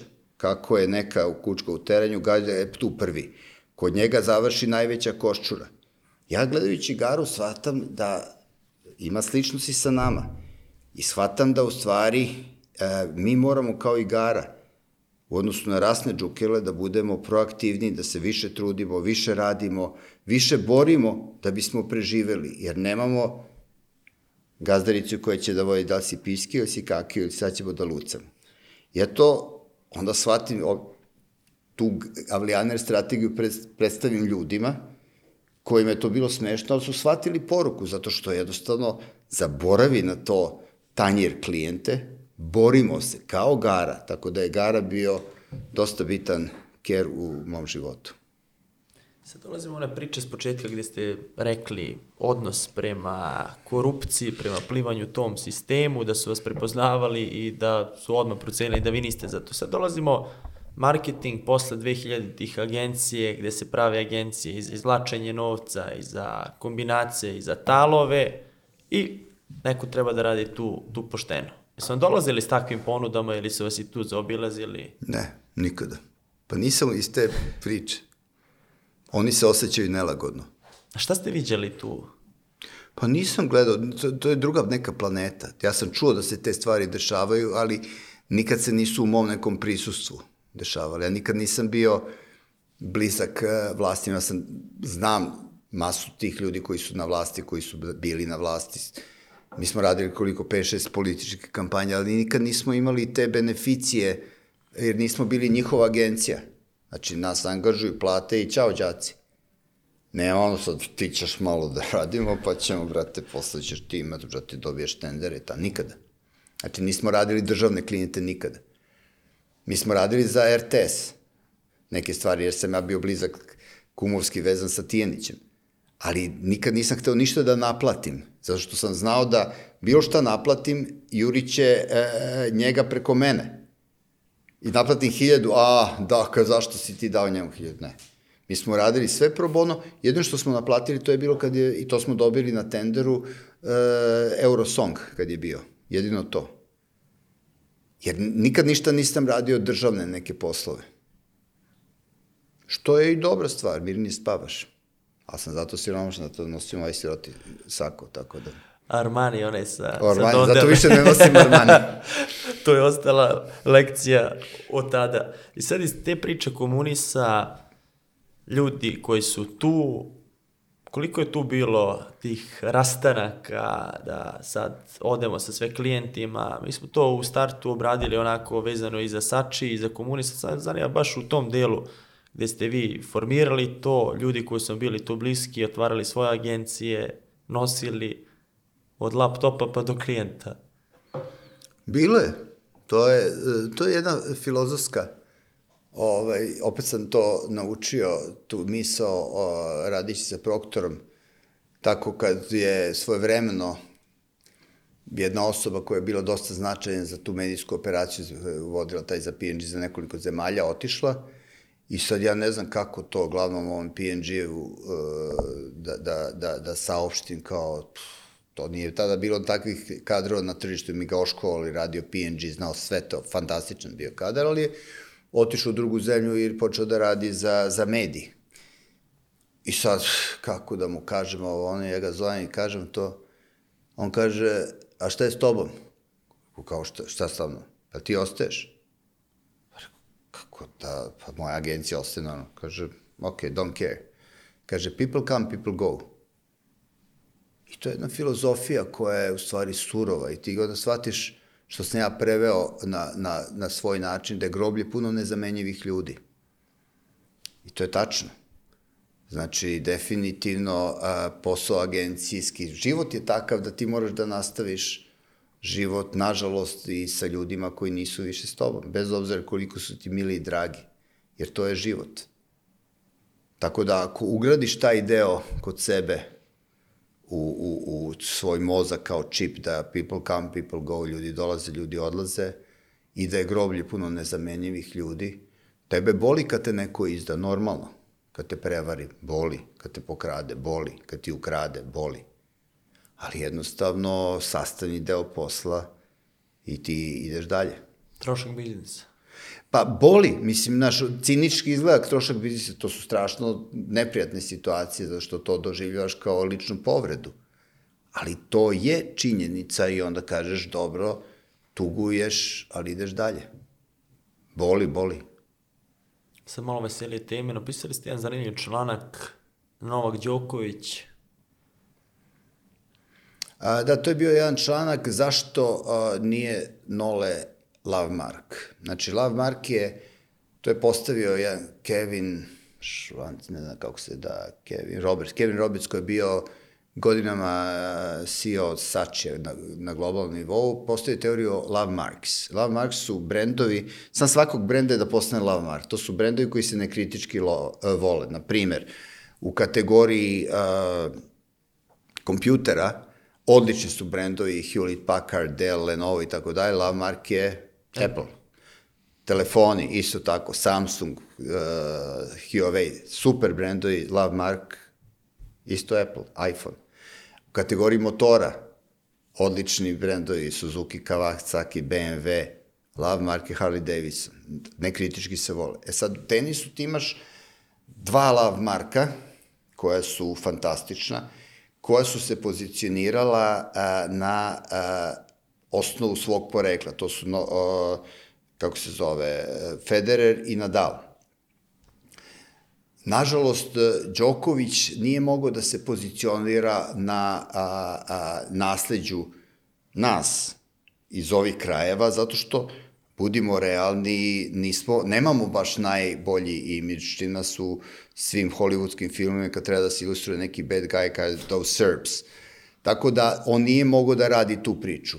Ali, e, savršenstvo te pozicije Federera jeste švajcarac i on je kao sve što je švajcarsko, perfektno, precizno, hladno, ali savršeno.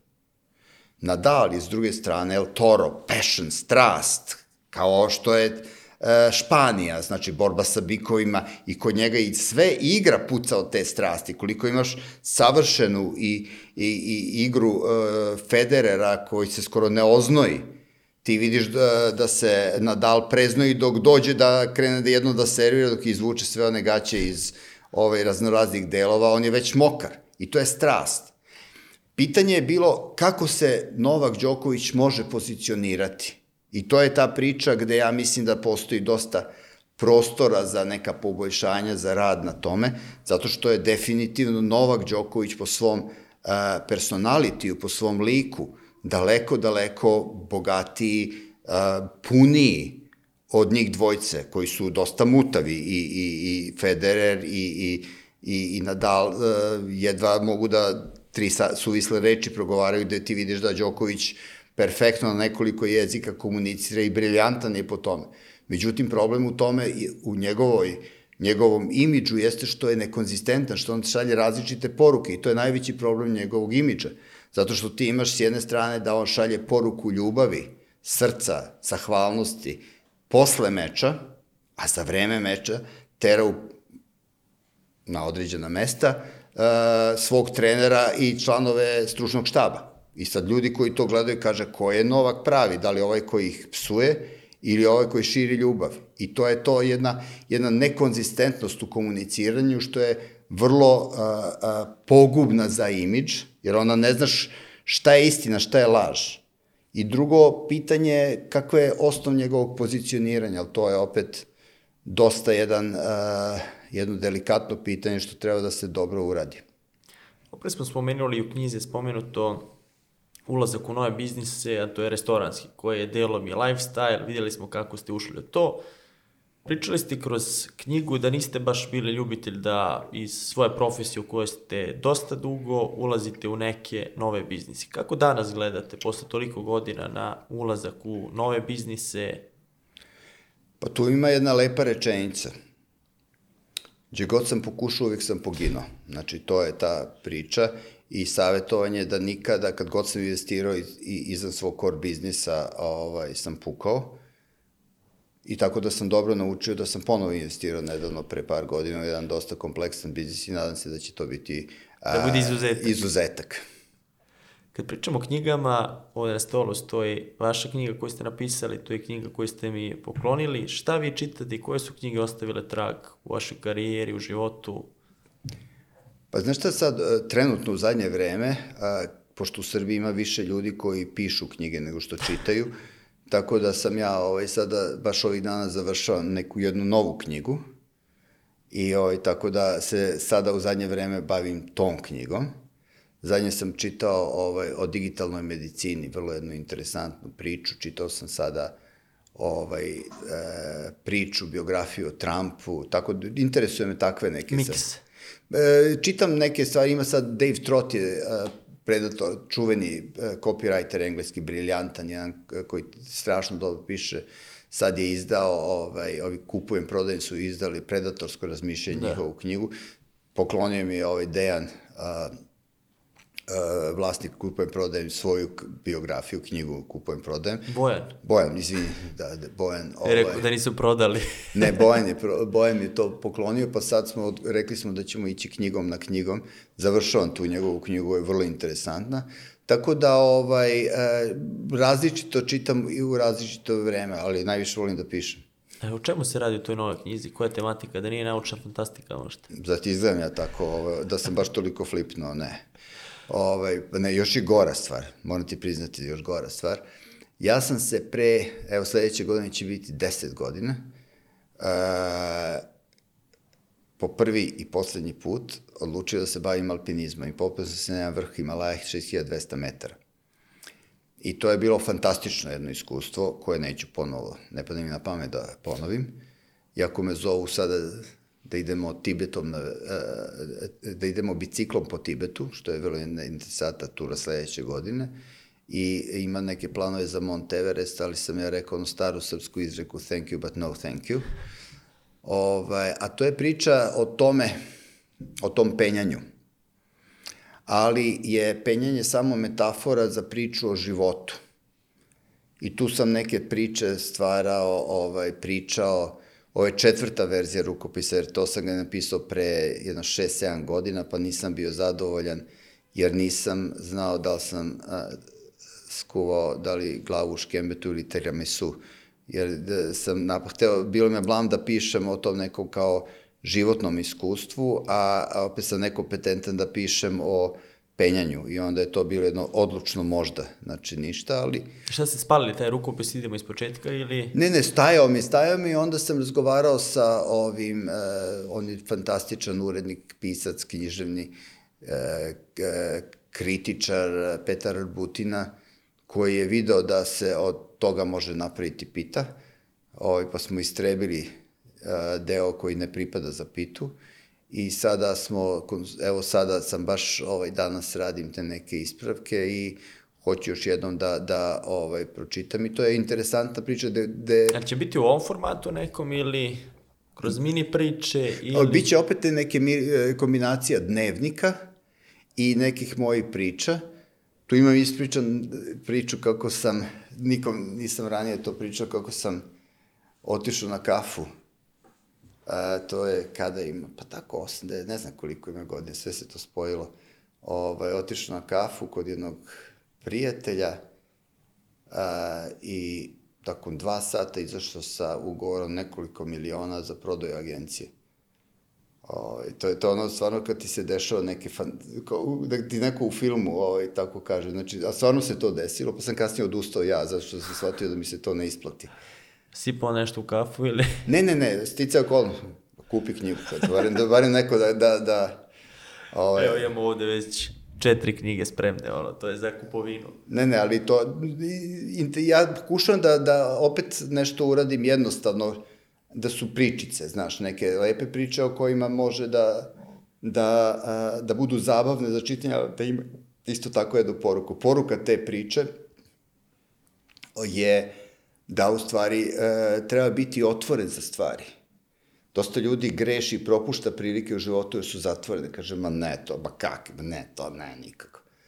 A ja sam čitavog života išao i gledao prilike i, I, otvarao vrata. i otvarao vrata.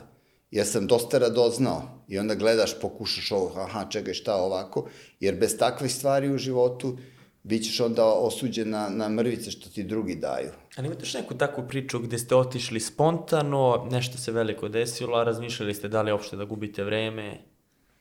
Pa čitav život je takva priča. Mislim, znaš, ono, ja kad gledam sad, sve su te stvari, kao što sam, op, kažem ti, slučajno upisao fakultet koji sam završio, kao što sam slučajno ovaj, e, se zaposlio u branši koji sam i dan danas, kao što sam slučajno postao profesor na fakultetu dramskih umetnosti, kao što sam, sve su te stvari, ali ti moraš da si u okviru, znaš, k, e, e, ovi e, centarfori, more, centarforovi ili centarfori, kako se kaže, centar, centri, a, da, centralni napadači, moraju da su u kaznenom prostoru ako hoće da daju go. Moraju da se tu muveju gde je ta lopta. Ti stalno moraš da se krećeš, da se otvaraš, da nešto gledaš, da, da se nameštaš za tu šansu. Ako stojiš ovako, sad će meni da daju, čekaj, skloni se malo da, me, da mi lopta tačno dođe, nema šanse da daš go. Ali ako se tu, ako se muvaš, guraš, ako se boriš, trčiš, otvaraš, ima šansu da daš go. E to je isti život. Znači, to je ta jedna poruka. Znači, moraš da si aktivan, moraš, idi otvorena šansa. Golman hoće da ispucava loptu. Možda će promašiti. Zaleti se. Možda će promašiti, budi tu. I to je razlika između onih koji su tu i imaju šansu da daju go. Ili će mu da zakomplikuju, neće tu, ali će napraviti drugu, treću priču. I to je ta bitan taj stav u životu koji imaš. Da, da se vratimo ono što smo na početku. Taj stav tebe tera da si tu u, centar, u kaznenom prostoru. I da misliš da imaš šanse. Ako kažeš, nema šanse, ćao. I to je recimo jedna vrlo, vrlo naš, velika razlika među ljudima. Imaš ljude koji, neki ljudi vide priliku u svakom problemu, a neki vide problem u svakoj prilici. I po tome se ljudi razlikuju. I to, to su ljudi neki koji uspevaju da urade nešto u životu. A ovi koji vide problem u svakoj prilici, ostaju to. To je ono kiselo grožđe. Ma šta će, ne valja, to je kiselo. Ma šta, ne, ne, to ne. Znači ti moraš da imaš takav jednu otvorenost da bi uspeo bilo šta da uradiš u životu. Ili da ti je babo iz Amerike, da ti ostaje, znaš ono kao klasična priča kako se Baja Patak obogatio, tako što je kad je bio mali, kupio je jednu, dobio je jednu jabuku, pa je glacao, pa je prodao, pa je kupio dve, pa je kupio četiri, pa je kupio osam, pa je kupio šestnest i onda mu umrla baba i ostavila mu tri milijarde. Znači, jedino, ako takav imaš, tako imaš životnu priču, takvu sreću, onda je super. Bićeš ko Baja Patak. Većina nas, nažalost, nije takve sreće, nego usiju svoje kljuse i radi. Radi, radi, radi. I tu moraš da si isto tako, još jedna stvar, uh, moraš da si malo lud. To je pitanje filozofsko, koja je razlika između hrabrosti i ludosti? Po definiciji hrabrost je da se upustiš u nešto gde možda nećeš uspeti, možda je rizično, možda je opasno. Po istoj toj definiciji ludost je da se upustiš u nešto što nije baš ša, jasno da ćeš uspeti i rizično i opasno. Znači, ista je definicija. A razlika je samo u finalnom proizvodu. Jesi uspeo nešto da uradiš ili nisi. Znači, just do it. Odlična poruka za, za kraj. Već kraj, samo tri sata i već kraj. Koliko smo? U, dva i po, dva i po. Re, re, rekli ste za ove preglede da i sad moram da se Izbaci sve, samo na kraju ovu poruku i to je... stavljam poruku mira i poruku ljubavi. Kako, Peace, kako, brother. kako ste rekli? Korona, ovaj, ljubav će pobediti sve. Da, ljubav će pobediti koronu i sve. I samo neće švajcarce, majko, osim Portugala. Tako da, Ali to- da, pobedili smo, ako se to računa, nije Portugal, Portugal njih. prema tome, Razlika, mi smo pobednici. ne može nam niko ništa, jači smo od sudbine. To je to bolja pesma nego ovo iz knjige Dotako sam dno života za kraj. Ivane, hvala što ste bili gost biznis priča. Hvala što ste me saslušali. Konačno, starije ljude obožavaju kad ih neko čuje, pošto ih niko kod kuće ne čuje. Onda ili stanu, na, idu Hyde Park Corner ili imaju podcast svoj i onda sve pričaju ili kad neko se zezne pa ga pozove. Hvala kolega što si me zvao, imenjaće, rođače, imaću te u testamentu. To je to. Hvala pa se vidimo i čekamo tu knjigu. Hvala.